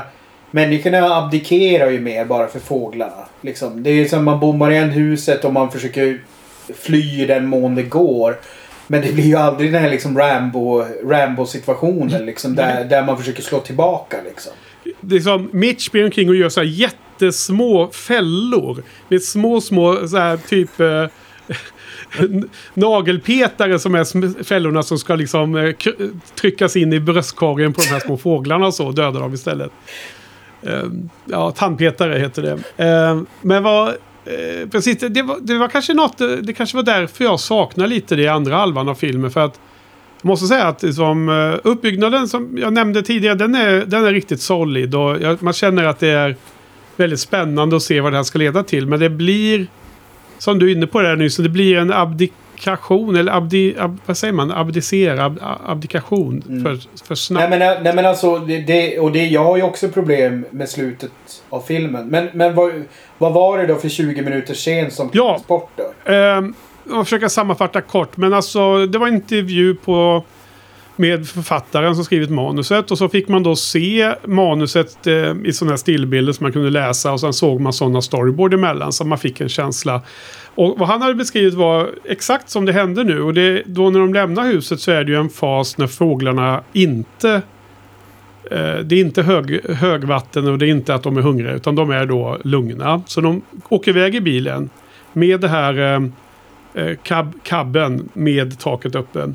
Så åker de in i stan och där ser de då flera personer som ligger helt sönderhackade utomhus. De ser, I vissa hus så ser de igenbommat och de ser att det finns folk som lever där inne. Men de stannar aldrig för att rädda dem utan de ska bara åka ur stan. Eh, ibland så beskrivs det att det är någon som ligger med en shotgun. En, pappan liksom ligger utanför huset på, på gården med shotgun i handen fortfarande och helt sönderhackad. Så det är ganska grafiskt så beskrivet. Men sen åker de mot den där vägen som vi får se Melanie komma. Den är ju, slingrar ju sig.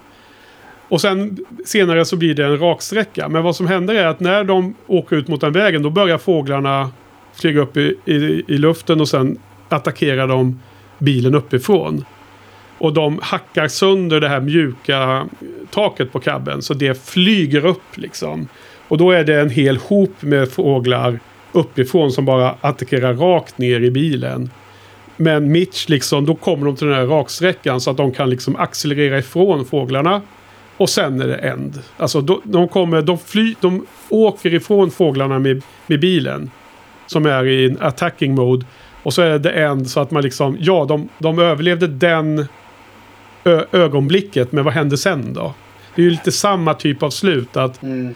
Även om de kommer fram till San Francisco, liksom aphöst och skönt, det är betong förvisso, men det som du skrev, det du som beskrev eh, Frans i novellen att eh, om alla fåglarna helt plötsligt får en gemensam tanke i huvudet eh, då har antagligen människan inte så stor chans till slut.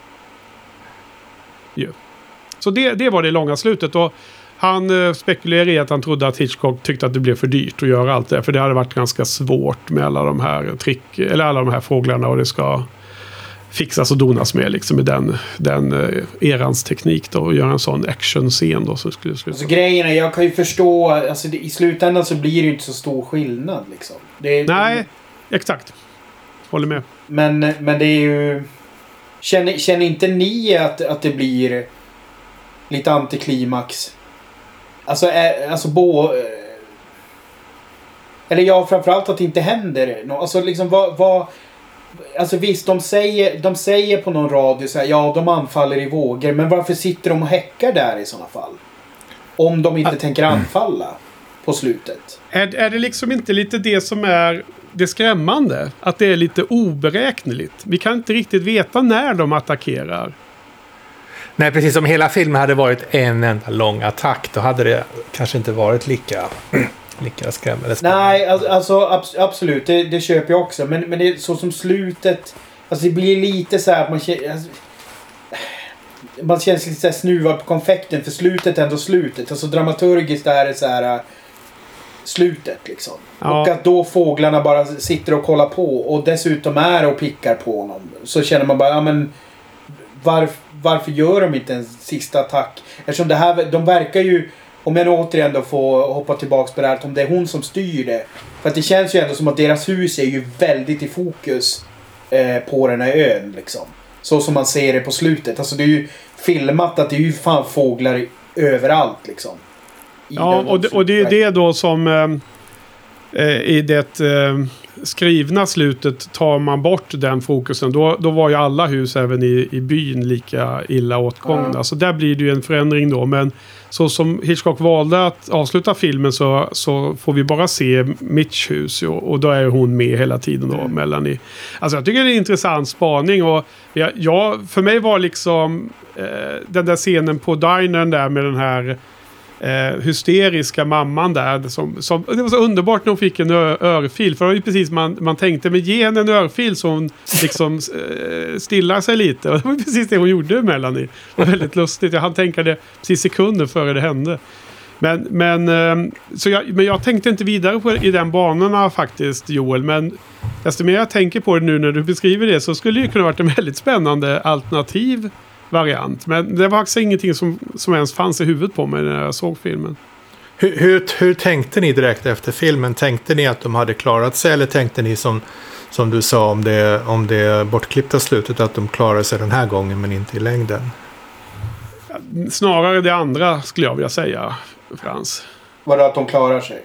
Nej, att de, de klarar sig bara just för nu, men de kommer bli tagna sen någon gång. Snart. Eh, De kommer fram till eh, Sankta, vad var det, den första byn, eh, första stan hette och sen vidare till, till San Francisco. Så Ja. det ligger massor med döingar Alltså, där med det- ögonen utpickade. Om, om man nu får nitpicka på slutet så hade det ju varit... hade ju varit intressant att när bilen kör iväg. Eh, om man, det fortfarande är framat så att man ser bilen köra iväg och man ser alla de här fåglarna. Ungefär som med den här um, eh, lekställningen. Att helt plötsligt så en eller två fåglar flyger iväg och så blir det svart. ja. Eller Eller man ser en, ser en fågel som plötsligt vaknar upp. upp öppnar ögonen och sen så konstigt. ja, och att... Eh, vad, vad, vad menar du Frans? Finns det inte någon film som slutar som att någon väldigt ond person, man tror är död, på sista scenen så öppnar han ögonen. Ja, det finns säkert en massa. Men, men alltså jag tänker sista scenen, man ser att de kommer förbi de här fåglarna som du stör dig på Joel. Att de pickar lite på hans eh, fot och sådär. De åker förbi de fåglarna som är vid deras hus. Men så ser man i horisonten framför bilen. Tio mil bort. Helt svart på himlen. Alla fåglarna. Då är det helt plötsligt bättre att åka tillbaka till huset. Och där är det inte heller bra. Vadå, som Jag att de, som, okej, så, så, som, som att de fåglarna, de, de bara, de bara väntar, de, håller, Ja. de är där för att vänta Ja, ja, de vet förstärkning. de har redan vunnit liksom. Alltid tidigare när jag har sett filmen så har jag alltid bara tänkt att jaha, de klarar sig. Ja, det är så har jag också tänkt. Men jag, jag, Men alltså den här, ja eh, så uppfattade inte jag det. Men, men eh, jag gjorde också kopplingen till sådana här andra filmer där liksom den här typen av skräck beskrivs. Och då har de, de oftast så här, eh, antingen rent beskrivna eh, dåliga slut för människorna. Eller så är det åtminstone oklart. Typ Take Shelter. Även om den, jag inte tänkte på den igår utan det kom upp nu då, nu pratar om novellen. Men ehm, eh, jag tänkte på, så, så, så det, så såg jag på den. Och, ehm, det, det finns en lustig bortklippt scen som slutar i att de kysses för första gången som jag nämnde. Som är ute på, ute på gården när mamman åkte iväg. Det, det roliga där och, och det som är, är så rolig dialog från Melanie i det här fallet är ju att eh, att hon eh, latchar med Mitch och beskriver hur en liten eh, fågel, alltså typ en eh, ja, då, blåmes liksom. Typ. Eh, hon, hon sa något eh, fågelnamn på, eller det stod något på engelska som, som jag tolkar som en liten fågel, liksom, en sparv typ. Hade liksom blivit irriterad på sakernas eh, ting och som ställt sig på barrikaden och, och gjort protest. Och pratat till alla andra fåglar om att nu ska vi ha uppror och så här. Börjar hon dra och han liksom skojar vidare. De har en jätterolig dialog där. Som jag tyckte var väldigt fyndig. Så slutar med att de liksom eh, förenades i en eh, kyss liksom. ja, det låter som en scen som kanske borde ha varit kvar. Ja, det hade liksom lättat upp lite. Jag tror att det hade kommit på ett ställe i filmen där det liksom hade varit väldigt eh, bra med en liten lättsam scen. För att sen dra på med det här eh, liksom lite mer hårda, brutala. Um, nej, men eh, ja, det må jag nog säga. Inte minst efter den här diskussionen här nu om att vi ändå har lite olika tolkningar. Både på vissa scener och även på hur hela slutet ska tolkas och hela filmen kanske. Att det uppskattar jag väldigt mycket. Och då kan jag återkoppla till förra veckans diskussion. För att det var ju då jag tyckte att det var synd att Hitchcock valde att det skulle finnas någon psykolog som gjorde en monolog i slutet och berätta exakt hur Norman Bates hade haft kluven personlighet eller eh, schizofreni eller sånt där. Och menar, det, motsvarande den här hade ju varit att liksom i näst sista scenen så hade det kommit liksom just då en fågelexpert och förklarat då under fem minuter exakt vad som hade hänt i filmen. Och sen när de åkte iväg i bilen. liksom, ja. Ja, nej men alltså det är inte riktigt det jag är ute efter. Alltså det, det jag nog alltid har saknat är ju mer någon slags dra, dramaturgiskt korrektare slut. Alltså som är någon slags slutfight eller någonting. Sen Ja. vet jag inte, jag vet inte hur, hur fan man löser det rent praktiskt eller liksom hur det skulle ha sett ut. Alltså jag, jag, jag sitter nog inte och saknar en eh, skriven på näsan förklaring om vad, som hade hänt riktigt. Hur fåglarnas psykologi funkar Ja. i detta. Men, men det är ju lite intressant med tanke på att de gjorde uppföljare till Psycho 20 år senare. Att, att jag tror inte de har gjort någon uppföljare på Birds. Nej, Vet jag vet. Om det inte var hajen och alla andra Ja, alltså, djur- det, det, det, den som jag spontant tänker på är ju Piraya. Men det är ju också en 80-tals... Tror det var James Cameron gjorde väl en av dem. De har gjort Ja, han, tvåan. han gjorde väl någon, inte den första va? Men- var en ganska trevlig film. Va? Ja. Men eh, sen en annan intressant grej är ju att eh, alltså Melanie Griffith hon är ju nog döpt efter den här karaktären. För Tippi Hedren är ju hennes mamma. Mhm. Melanie, tror du det? Kanske. Ja, om... Det känns, känns det inte som det, eller? Det visste jag jag, menar- inte. Jag visste inte att hon var hennes mamma. För om du går, om du går in på Tippi Hedren på IMDB. Vilka fyra filmer Så- är det? Det måste ju vara Fåglarna och Marnie på hennes topp fyra. Ehm, de här fyra är The Birds, Marnie, en film som heter Roar och en film som heter Mulligans! Ja. Utropstecken. Det känns ju liksom... Väljer man att döpa sitt barn till samma karaktärsnamn som i sin mest kända film. Ja, det är lustigt. Jag har aldrig tänkt på men det Sen, sen finns det ju en liten rolig skröna. Som jag tror är sann därför att jag... Undrar om det inte är en intervju med Tippi Hedren. Nej, det är nog Melanie Griffith. Ja, Den- Mother of... Mm. Precis. Hon berättar ju att hon, alltså Melanie Griffith träffar ju alltså Don Johnson första gången i samband med att Don Johnson spelar mot Tippi Hedren i en film. Och då är alltså Melanie Griffith med som tonåring. Och får alltså tillstånd av Tippi Hedren att dejta sin dotter. Alltså det är, ju, det är väl en viss åldersskillnad på dem. Da, Dan Johnson fick eh, tillstånd Ja, exakt. För att hon, hon var nog inte gammal där. Hon kanske, Nej, alltså, okej. eh, jag minns inte, jag vill inte säga ett exakt årtal men hon, alltså, det var väl så här. eh, Man förstår, eller ja, man förstår att hon liksom fick, att mamman fick överse det där på något sätt. Liksom. Ja, Sen har de ju varit gifta två gånger och det är ju väldigt stormigt förhållande och allt sådär. Ja, men eh, så att Tippi Hedren är därmed mormor till eh, Dakota Johnson. Precis. Som, som, som nu är kändis. Eh, hon är ju född sent. Eh, ja, 89 till och med. Och en hon är ju med i de här eh, 50 Shades of Grey bland annat. En, dem. en annan skön Hitchcock-koppling är ju också att Melanie Griffith spelar i, i den ultimata hyllningsfilmen till Hitchcock. Du- Ska du börja prata om Di Palma nu igen? Hon är ju huvudrollen i Body Double. Jo. Fan, denna jävla film. Ska prata om den varenda gång. Ja. Men vad, vad Eh. tycker ni om, om Don Johnson då? Det är en stor idol för mig. Han Alltså- är ju han är solid som fan. Honom gillar jag. Ja, alltså Miami Vice är fan ingenting man bara sänker. Utan det är, det är också en fruktansvärt bra tv-serie. Vad sa du att du... Gillar du honom Frans? Eller gör- gör du va? Ja, oh ja, oh ja. Ja. Men jag håller med. Jag vet att jag jobbade på en säljagent. Som har, har alltså där man säljer nordiska filmer internationellt.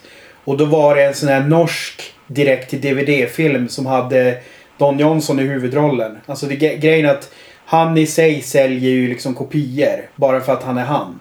Så att de hade ju typ så här lagt all budget på att få med Don Johnson. Och det vet att, jag tror det var vi som hade hand om den filmen. För det var liksom så här, sales pitchen var ju alltså på omslaget så var det liksom Don Johnson i en så här kommendörskaptens eh, uniform liksom. Det var, det var liksom det. Men eh, sen tror jag han var väl med så här 10 minuter i filmen eller någonting. Men det var ju bara liksom en norsk film med Don Johnson. Okej.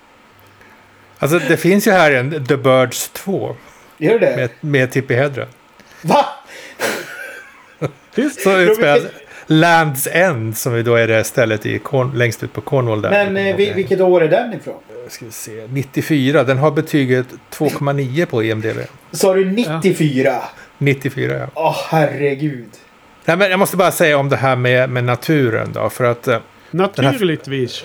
du sa att eh, det hade någonting med, med naturen som slår tillbaka att göra. Och boken är skriven på 50-talet någon gång. Och hon, enligt vad jag har förstått så var hennes inspiration att hon var ute och gick en dag och såg fåglar som anfallde eller störde någon bonde på något sätt. Och hon började då fantisera om vad som skulle hända om alla fåglarna bestämde sig för att attackera mänskligheten. Medan filmen då är från 63. Och Hitchcock har jag läst någonstans har sagt att han, han ser det som att fåglarna slår tillbaka mot människans miljöförstörelse och brist på respekt mot naturen. Ja. Och det är intressant för att det är då året efter Rachel Carsons Tyst vår kom ut. Va? Så det fanns väl väldigt mycket i eh, det allmänna medvetandet på den, ju- just vid den tiden. Det här med miljöförstöringen. Det var väldigt, väldigt aktuellt. Ja, men det är ju givet. Och Hitchcock var ju väl superobservant på sådana typer av trender. För han, han var ju liksom, cashen måste in ju. Precis, och vi har, ju, vi har ju tagit upp det här under tidigare säsonger också. Att det verkar som att han har spelat väldigt mycket på populärkultur eller liksom allmänt diskuterade ämnen va, som han har smugit in i sina filmer. Jag har för mig att pratat om det ett antal måste- gånger tidigare säsonger. Jag måste ge, ge, ge honom cred ändå. Därför att det, kän, det här känns inte som... Du vet när man ser Soylent Green med Charlton Heston och det är liksom en allegori för eh, det som hände på 70-talet eller något sånt där. Alltså du vet. Lite Nej. samma grej. Utan det här är ju, det, är- det är ju en film först och främst liksom. Sen kan man, Ja, sen kan man lägga det här pusslet efterhand. Så att... Eh, Ja, men absolut, men det är ju, det är ju eh, såklart det att filmen eh, står ju på egna ben och är bra. Men att det är de här underliggande eh, temana och lärdomarna så att säga som ligger och rumlar i huvudet på åskådaren. Som jag, jag tror det är då det är effektivt. Det budskapet liksom blir effektivt. Jag läste någon som skrev just om det att eh, om man är så övertydlig om ett eh, budskap av politiskt eller något annan karaktär. Till exempel vad som helst. Jag menar med miljöförstöring som ett exempel då. Det, det är lite mer allmängiltigt då. Eller om man har andra budskap. Om man är för, för jävla övertydlig. Då, då, då slår det inte lika bra som om man, man bara visar det i en film och så får åskådaren själv förstå. Då är, då slutsatsen. Det, exempel var ju om man gör en antikrigsfilm och hela tiden eh, låter huvudpersonen säga att krig är dåligt. Så kommer man till slut spy på den karaktären och vilja gå ut och skjuta ihjäl honom. Liksom, starta ett krig för att, för att bli av med den där. Eh, det är expositionen igen. Liksom. ja. Så där, på det sättet tycker jag att han funkar jättebra. Eh, och det jag tycker filmen har värde i att, att den har ett sånt perspektiv. Sen om det då kommer av att eh, Hitchcock har tagit eh, fasta på eh, strömningar i samhället då. Det är väl bara fine då. Men det, det har han gjort förut då som du sa Frans. Och exakt samma sak som vi har eh, kommenterat om runt Bond-filmerna i den eh, poddsäsongen. Att man ofta eh, försökte tappa av current events. Mm. Liksom. Var det... Var det liksom en eh, strid på kniven att nå upp i rymden och sånt. Då var det alltid med något om det. Liksom, något sånt där. Det var olika politiska händelser som återspeglar sig i populärkulturen. Det är ju ganska givet. Jag hade också en sista grej angående musiken. Ja, Jag är nästan säker på att det inte är någon musik i den här filmen. ja exakt. Eh, det var bra att du tog upp det för att vi har ju med rätta klagat på han Herman, vad han nu heter.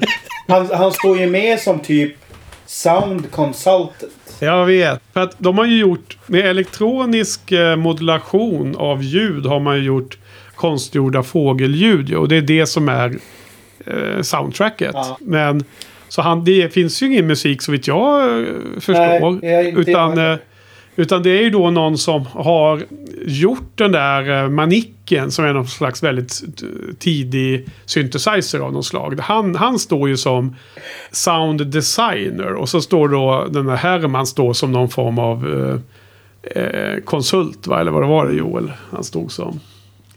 Vad säger du Frans? Är det här eh, soundtracket, eh, ljuddesign, eh, LPn, tar du fram den? Lyssna på de här fågelljuden. Ja, det, det, det sker väl ganska ofta. Det är väl sånt där man har om man vill, om man försöker sova. Ja, det är fredagswhisky. Ja, precis. precis. Om man, om man ska slappna av efter en stressig dag, dag på jobbet så lyssnar man Ja. på de här eh, elektroniska Nej. ljuden av fåglarna. Han heter Remy Gassman. Som har gjort de här ljuden. Han har en, in, han har en grej på IMDB och det är eh, det är det här från den här filmen. Electronic Sound Production and Composition. Alltså för att jag måste ändå säga att jag tycker fan det var...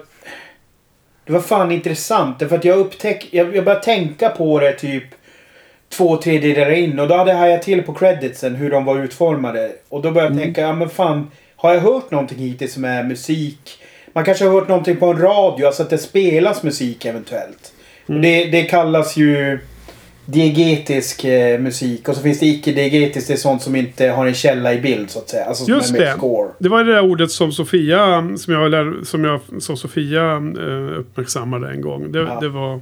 Men det, finns, Det finns ju musik som har en källa. De sjunger ju någonting med I married my wife in the month Ja, of June. precis. I, I skolan där. Det, det är väl det som Ja. finns. där. Exakt, exakt. Men det är, i, det är ju filmens kontext. Det är Ja. filmens värld. Men, men jag måste ändå säga att jag tyckte att det... Det var ju intressant för det blev ju en diskussion också i kommentarerna kring Psycho där. Där folk kanske missförstod vår diskussion lite grann vad, gäll, vad gällde musikvalet i duschscenen. Eh, för att det, jag, jag håller ju med som du skrev där att det, det jag for efter var ju att jag tror att musiken kanske på något sätt också blev en mildring utav den scenen. Men sen så var det bara intressant här att känna att hela filmen faktiskt Ja, att den... Jag menar det här gick ju att titta på trots att det inte var en, en score som låg som en matta liksom. Ja, hackade ja. Här hackade Ja. något annat istället. Jo, jo, men jag menar det var ju inte... Så här, det stack ju inte ut på ett sätt som, jaha, vad fan det är ingen musik liksom. Utan det var ju en filmupplevelse ändå. Ja, ja, absolut. Det är case closed. Vi har därmed bevisat vår tes från förra Exakt. veckan, eller? Precis. Ja. ehm, nej, men det är bra. Det är bra. Jag, hade, jag tänkte på de här grejerna också, men jag hade helt glömt av. Och därmed så börjar jag kolla i mina notes nu. Jag har ju glömt att ta upp något med grejer. Får jag, får jag rabbla dem lite? Får ni se om, det är något här ni vill prata om? Om, jag, om jag triggar några intressanta idéer. Mm. Ehm, nej, men det, det känns som en ganska given eh, eh, koppling som man ändå vill lyfta. En annan eh, populärkulturell... Eh, alltså en annan film helt enkelt. Som jag tror också är välkänd i populär, populärkulturen. är ju påminner mig väldigt mycket om det här när de är fast på gården och liksom typ fångade av fåglarna. Och det är ju den här... Eh, vad heter det nu? Cujo. Cujo. Den här eh, Stephen King-boken och senare filmen om den här eh, rabiessmittade hunden som terroriserar en kvinna som blir fast i en bil på, gården, på, på grusgården framför en sån här amerikansk eh, bondgård som ligger ödsligt till. Den, är, den var väldigt eh, nervpirrande, kommer jag ihåg, när jag såg den när jag var liten. Man får aldrig Ja. Också en sån där eh, djuren är, är hotet liksom. Okej. Eh, nej men några små eh, spaningar från filmen då, då. Jag bara skjuter dem från höften här. Jag tyckte att det var otroligt fånigt och det var lite slapstick. Men det var, jag tyckte ändå att det var väldigt lyckat var ju när Melanie åker med sin eh, kabbe med den här buren med två lovebirds. De här minipapegojorna som jag tror det är på svenska. Åker hon ju mot Bo- Bodega Bay för att eh, göra sitt hyss här då. Och då när hon åker på den här slingiga vägen så ser man de här Ja. fåglarna luta sig. Ja, jag gillar det också. Man ser hur jävla stendöda de är. De är lika döda som John Cleese eh, papegoja. This rabbit, eller vad Men, men, jag? men där var, jag, jag kan ju se framför mig Hitchcock så här förbannad för att fåglarna inte, inte följer med i svängarna. Och hur han bara okej bort, bort med dem, nu tar vi in liksom av trapporna. Lite som den här grejen, du vet. Har ni sett den här filmen som Clintan gjorde om den här snipern? För där är det, det finns ju en scen där när han håller en baby. Alltså huvudkaraktären håller en baby. Som ju, när man vet om det, att det är ju en docka liksom. Jaha. Och då är ju, det är ju sägningen det att Clintan fick liksom nog. Han var så jävla trött på att liksom ungen... Br- Bradley Cooper, ja. Ja, exakt. Att un, ungen Men, men alltså, eh, jag köper din spaning på Hitchcock här helt och hållet. Men det jag såg i huvudet var ju att Hitchcock tyckte att det bara var festlig scen. Att han stod och garvade läppen av sig. Men nu gör vi att de här, de, här, de här trapporna som vi bara har här i för att det ska synas att hon har med sig den här eh, buren på den här resan. Nu gör vi att nu nu får någon med sådana här små osynliga trådar göra att de lutar sig. Det, det var en jätterolig grej. Och så stod alla i teamet och skrattade. Ja, men det, det, det kändes festligt. Eh, så jag tyckte det var super weird hela filmen genom att Mitch då kallade sin mamma för Darling och Dear hela tiden. Ja, Tänkte fast- ni på det? Jo, men, men alltså det är ju... Jag, vet, jag funderade på om jag skulle ta upp det eller inte. Men det är ju en komplicerad mammaroll igen. Alltså Ja. det är ju... Hon har ju också någon slags... Alltså jag vet inte vad fan kallas det? Oidipuskomplex eller? Ja, ja, det är något incestuöst Ja. där. Man, man har, eh, är ju så knäckt av att hennes man har dött, Mitch pappa. Så att hon, det substitutet är ju hennes son där. Det blir väl den grejen va Johan? Ja. Tror du inte det? Jo, precis. Men det blir ju också när man precis har sett Psycho så blir det ju ja men fan det här är ju ett mönster liksom. Ja, ja. Och, och Ja, men sen, det måste vi ju ta upp då. ja, men sen så tyckte jag ju inte riktigt att de kanske... Alltså det kändes, kändes lite half-baked liksom. Det kändes Ja, inte som att det blev För klart. först så känns det som att det var superweird att han kallade henne det. Sen fick man aldrig någon...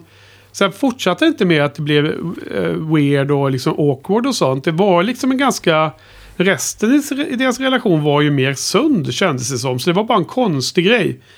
Men, men det återkommer det här med att mamman var eh, notoriskt svartsjuk på, på sin sons flickvänner. Och det var ju något som hon... Eh, hon Kate, eller vad hon nu hette, sa. Va? Hon som var lärarinnan där. Hon hette ju eh, Annie Hayworth. Något helt annat än Kate. Hon sa ju det att eh, mamman hade liksom fått, fått henne och Mitch att liksom inte bli, vara ihop längre, mer eller mindre. Och då kommer jag till min nästa not och det är att det fanns en väldigt fin scen mellan mamman Lydia och Melanie. Alltså Tippi Hedren i den här filmen. Där, där, där mamman så att säga eh, Lydia då. Jag tror att hon, det var när hon låg i sängen där. Hon spelades ju av Jessica Tan. Det var ju bra, alltså hon som spelar Lydia. Hon liksom... Hon på något sätt i dialogen insåg själv att nu fick hon liksom acceptera den här kvinnan. Nu fick hon liksom inte kasta ut henne bara för att Mitch var intresserad. Och det var ju den scenen som, det var nästan en av de bästa rent dramatiska scenerna i hela filmen med dialog och skådespeleri där hur hon beskrev hur hon, hon kände sig så svag. Hon ville vara starkare. Hon, hon saknade ju sin man så mycket för han hade liksom varit tryggheten och han som har gjort allting. Och fixat allt och sådär liksom på gården. Hon, hon var, hade ju den där sorgen. Både att vara ensam men också att hon var för svag. Jag tyckte det var väldigt, väldigt starkt. Jag kände otroligt stark eh, empati till mamman Lydia där i den scenen. Och det var en bra scen med, med Tippi Henry och eh, eh, Melanie som ledde upp till detta. För hon, hon säger ju där rakt ut också att jag vet inte om jag gillar dig. Ja, precis. Det var jättebra dialog där helt plötsligt. Och filmen var ganska ojämn när det gäller dialogen generellt sett. Det var vissa scener det brände till. Och sen fanns det andra scener som jag tyckte att det blev lite så här knasigt och lite nästan lite... Ja, s- ja, ja den, hela den där sekvensen runt Diner där som jag kanske inte var lika förtjust i som du Joel. Jag vet inte du Frans. Men ja, det fanns olika. Jag, jag, jag tyckte också vissa scener mellan... Eh, eh, Melanie Tippi Hedren och, Hedren och eh, Annie. Hon eh, eh, Audrey-tjejen från Twin Peaks. Hon som var lookalike. De hade ju några scener ihop. Eh, bland annat innan och efter hon stannade, liksom bodde över hos, hos henne där. Hon, hon tog in och hyrde ett rum liksom. Det, det var ganska bra scener. Det var, fanns något väldigt äkta i dem tyckte jag. Men jag tänkte på att den längsta scenen mellan dem, den längsta dialogen de hade, då pratade de ju bara om honom hela tiden. Ja, det var och det är ganska- lustigt. klassisk, klassisk big no-no när det gäller Ja, eh, numera... jämlikhetsdiskussioner givetvis. Men i det här fallet så var ju manus upplagt för det. Det var ju just den, den saken som var deras konflikt eller det ämne de faktiskt kunde samsas runt. De kände ju inte. Nej, det de, de kan inte hålla på och prata om sitt eh, gemensamma eh, golfande eller vad fan man nu skulle ha hittat liksom. För de kände ju inte ens varandra. De hade Nej, ju bara alltså- Mitch som, som Alltså det, koppling. den scenen i sig är ju liksom en Bechdel-test-killer. Men jag tycker att Mm. scenen i sig var så fin därför att det är två, två kvinnor som inte känner varann. Och den ena förmedlar ju att hon, hon har haft, en rela, eller haft någon slags relation till honom som hon kanske inte helt har släppt. Och den andra är ju mer bara att hon, hon liksom frågar lite försynt för hon känner ju knappt killen liksom. Alltså det tycker jag ändå är... Jag vet inte. Ja, du menar Me-. Melanie, eh, precis när hon åker till, till den här lilla fiskebyn, då gör hon det för att göra det här. Alltså lite absurt nog Ja. åker hon dit bara för att hon är en äventyrska. Hon, Ja. vill liksom, hon vill få en kick, hon vill göra ett hyss. Och sen faller hon ju för Mitch till slut. Eller någonstans mitt i filmen så faller hon ju för honom. Och det är ju den, det är den resan som blir spännande då i, i att hon umgås med kvinnan som Mitch just har dumpat liksom. Ja. Mm. Det finns något spännande i det. Ehm, men... ehm, ja. Ja, det var synd att man inte fick se mer där då. ehm, av dem kan jag tycka på något sätt. Och det var också lite synd. Alltså, jag vet inte hur ni såg på honom, men Rod Taylor um, spelar Mitch här. Alltså, jag fick nog... Jag har svårt att se att han var så här supercharmig så att jag direkt köpte att båda dessa fräsiga damerna, både Melanie och Annie, skulle vara så himla hals över huvudet förälskade i honom. Hela tiden. Han var ju väldigt, han var ju väldigt eh, väl placerad i sin miljö. Han var Jo, väldigt stark i sin miljö, så jag, så jag kan nog förstå det. Ja, alltså, Ja. jag, jag håller med. För, för, att jag, för mig så, så... Jag förstår. För mig så var det väldigt tydligt att Melanies intresse växte väldigt mycket när hon såg honom på... Liksom, liksom bara miljön kring ön och hela familje... Du vet det här Ja. med systern och mamman och det där. Det Ja, känns som att han en, eh, växte väldigt mycket. Och, Han var stabil. mm, precis. Så Jag hade han den här vita, vita stickade tröjan som såg helt eh, rätt ut för miljön och det. Ja. Jag tror också att det var därför, det som du var inne på i början Henrik, jag tror det var därför som hon blev lite mer hon, hon blev lite mer barnslig och eh, naiv i deras relation. Det var för att han var så, stark, så kände jag det, för att han var så, så, så hemtam i den miljön och så dominant. Jag, jag tror fortfarande att det, Ja. det hade nog gått att re, re, regissera eh, lite bättre. Jag tror, jag tror inte man, man hade inte behövt hamna i den här eh, lite mer ojämställda damsel in distress-grejen. För, att, jag- för att jag tycker det, det är ju en frisk fläkt för att både i Psycho och i den här så är det ju en, en uttalad kvinnlig huvudroll ändå, får jag säga. Det tycker jag faktiskt att det är. Alltså du vet att om man ska jäm, jämställa manlig och kvinnlig huvudroll. Mm. Alltså ungefär som att North by Northwest så är det ju Cary Grant som är huvudkaraktär. Men, alltså, men alltså i både Psycho, där tycker jag ju trots att Janet Leigh dör halvvägs så tycker jag att hon är Va? huvudkaraktär. Halvvägs? Ja, vad fan. och i Ja. den här så tycker jag Så ändå att. Tippi Hedren är liksom den, liksom ska man singla ut en huvudkaraktär så är det ju hon. Ja. Sen så, Nej, men jag håller med. Jag håller med att hon är... Alltså jag, jag tycker eh, Mitch är inte ens i närheten av att Nej. vara huvudkaraktären i mitt huvud. Så, så att jag, jag, gillar, jag gillar ju att, att han kör det greppet. Sen, sen så är det lite synd att hennes karaktärsutveckling blir som den blir. Eh, jag menar exempelvis det här när hon går upp på vinden. Jag minns inte ens varför. Varför ska hon gå upp på vinden? Därför att hon ser att de andra sover och de har varit vakat och haft sig och de är jättetrötta. Och så vill hon gå upp och, och undersöka var de här eh, fågelljuden kommer ifrån. Lite, Ja, lite weird beslut. Det är ungefär som... Eh, låt, det är ungefär som slasherfilmerna. slasher-filmerna. Låt oss inte splittras upp liksom. Så ska alla genast splittras upp. Um, Cabin in the Woods har ju en bra förklaring på det för övrigt för de som är intresserade av att förstå alla sådana uh, eh, händelser i, i filmvärlden. Um, sen var jag också ganska... Min sista kommentar här är var att uh, både Tippi Hedren och, Hedren och Rod Taylor hade ganska roliga, fyndiga, eller inte, inte fyndiga utan eh, underhållande eh, anekdoter om när de intervjuades av Hitchcock. Eh, och fick jobbet. Och eh, det, det som var överlappande ehm, Eh, var att de hade inte pratat om filmen eller filmskapande överhuvudtaget i någon av dessa två intervjuer. Utan Eh, han, han hade i alla fall i de här fallen verkar som att han bara ville liksom se vad det är för några personer som han anställde i rollerna. Och så, så trodde Rod Taylor att han hade varit lite ointresserad och nästan på gränsen till arrogant när han träffade Hitchcock. För han var, jag kommer inte ihåg exakt varför han förklarade sig, men om det var att han inte trodde han hade chansen att få rollen eller sånt där. Och jag, jag har för mig att det är någon av de här Bond-intervjuerna med typ Broccoli eller Salzman som det har beskrivits liknande. Kan det ha varit eh, Lazenby eller något sånt där? Som att, att eh, producenterna fick liksom ett bra bild för att de inte är för angelägna också. Att de visar lite så här, Alltså, finns, lite avstånd nästan. det finns ju en svensk motsvarighet till det där. Om ni vet vem Tommy Berggren är. Ja, jag känner till namnet. Han, han, han blev ju inkallad till, till eh, av Bergman för att liksom provläsa för, för en roll. Och då hade han ju varit ute och supit så jävla hårt kvällen innan. Så att när han kommer dit då till readingen då, då får, slänger liksom Bergman till honom ett manus. Och så bara ja men läs det här nu, du har två timmar på det. Så kommer jag in och så pratar vi om rollen sen. Och så fort han har fått manuset så slocknar han ju. Han är ju så jävla trött för han har liksom Ja. varit ute och supit hela jävla kvällen. Ja. Och så kommer ju Bergman in då och bara ja men vad tycker du? Vad tycker du om rollen? Och då klämmer han ju bara ur sig någon så här typ... Alltså han har ju inte läst ett ord liksom. Så han bara säger Bach. Av någon jävla anledning. Jag minns inte sammanhanget. Och då, då blir Bergman så här bara som... Fan du är ett sånt jävla geni. Du är den enda som har sett att den här är strukturerad som liksom en Bach-symfoni eller något sånt där. Och, och det blir så här... jag, som sagt, jag minns inte sammanhanget. Men tydligen blev han så jävla såld på det. Men Ja. sen, sen vart det ingenting av det där ändå i slutändan. Och, och Vart den där, det inget? Nej, det är ju också så här... äh, Du vet, kanske en bra historia som man har skarvat rätt ordentligt. Ja, anekdoten tappar ju lite i slutet om det inte blev något. Då. Ja.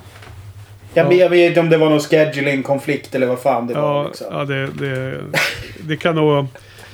Signalfel heter det på SJ. Ja. Det kan vara lite vad som helst. Men det är svenska motsvarigheten till, till det där med att sweepa en provspelning. Ja, precis.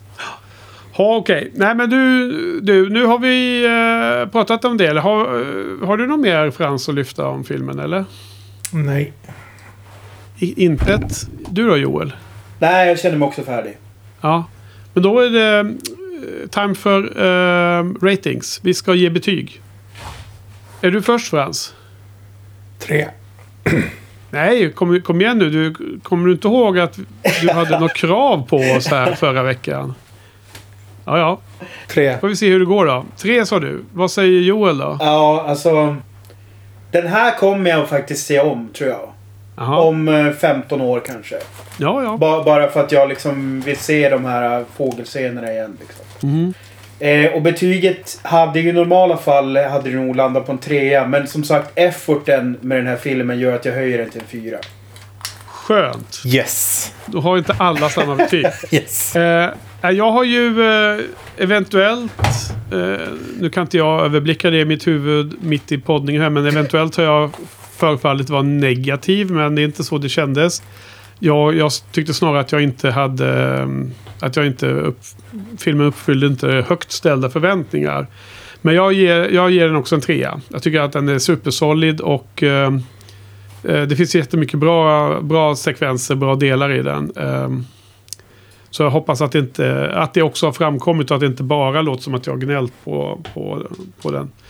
Ehm, kommer jag se om den? Alltså, ja, jag vet inte. Det, det blir en intressant frågeställning man kanske skulle ta med sig till avslutningen av, av alla dessa tre Hitchcock-säsonger.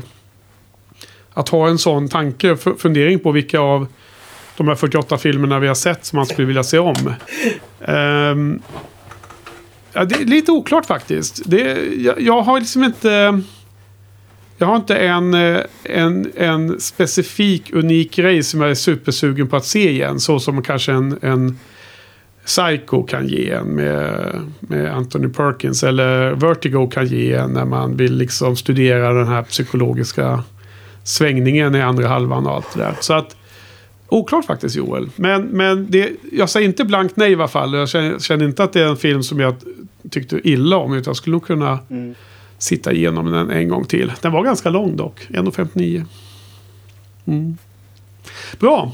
Men gott så. Eh, gott. Då var det du som räddade oss Joel. Frans sa ju förra veckan att han tyckte att det var trist. Eller om det var du som sa det Joel till och med.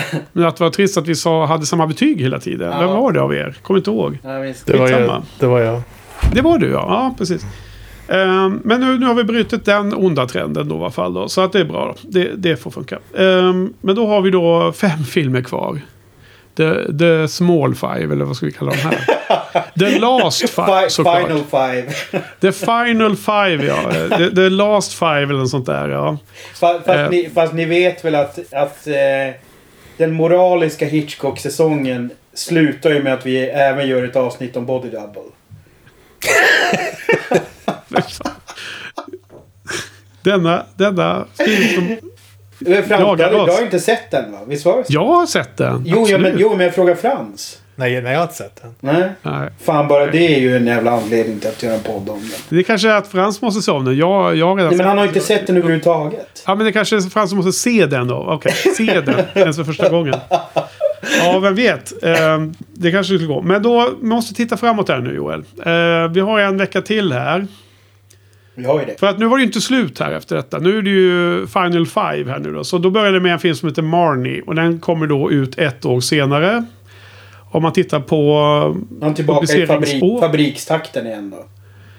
Ja, exakt. Det blir faktiskt 64, 66, 69, 72. Ja, det, två eller tre år. Det, det är bara här, det är bara en eh, film i rad här som är bara ett år emellan Joel. Är det. Eh, så det är 64. Så är det. Marnie. En eh, crime-drama-film med Tippi Hedren och Sean Connery. Det blir Kläckan i taket. Men då får vi tacka för idag. Tack Joel, tack Frans. Tack. Tack, tack. Tackar till publiken, så på återhörande. Aurora borealis, the icy sky at night. Paddles cut the water in a long and hurried flight from the white man to the fields of green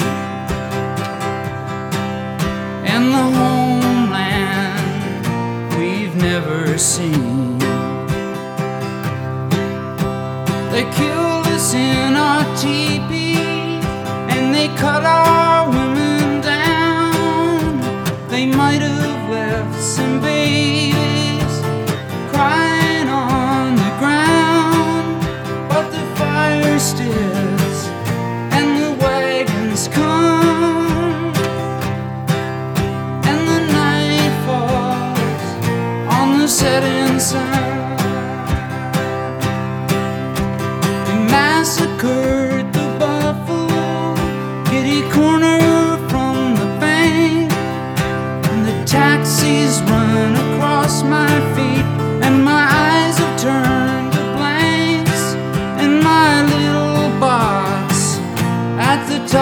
the stairs with my Indian rug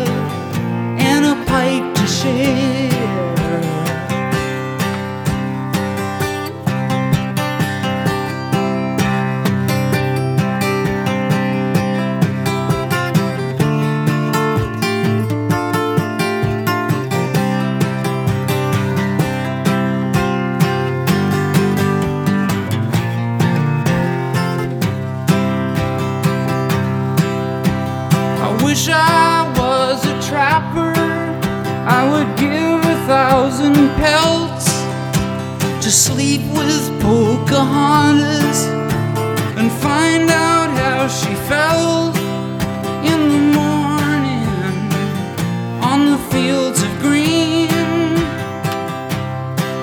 in the homeland we never seen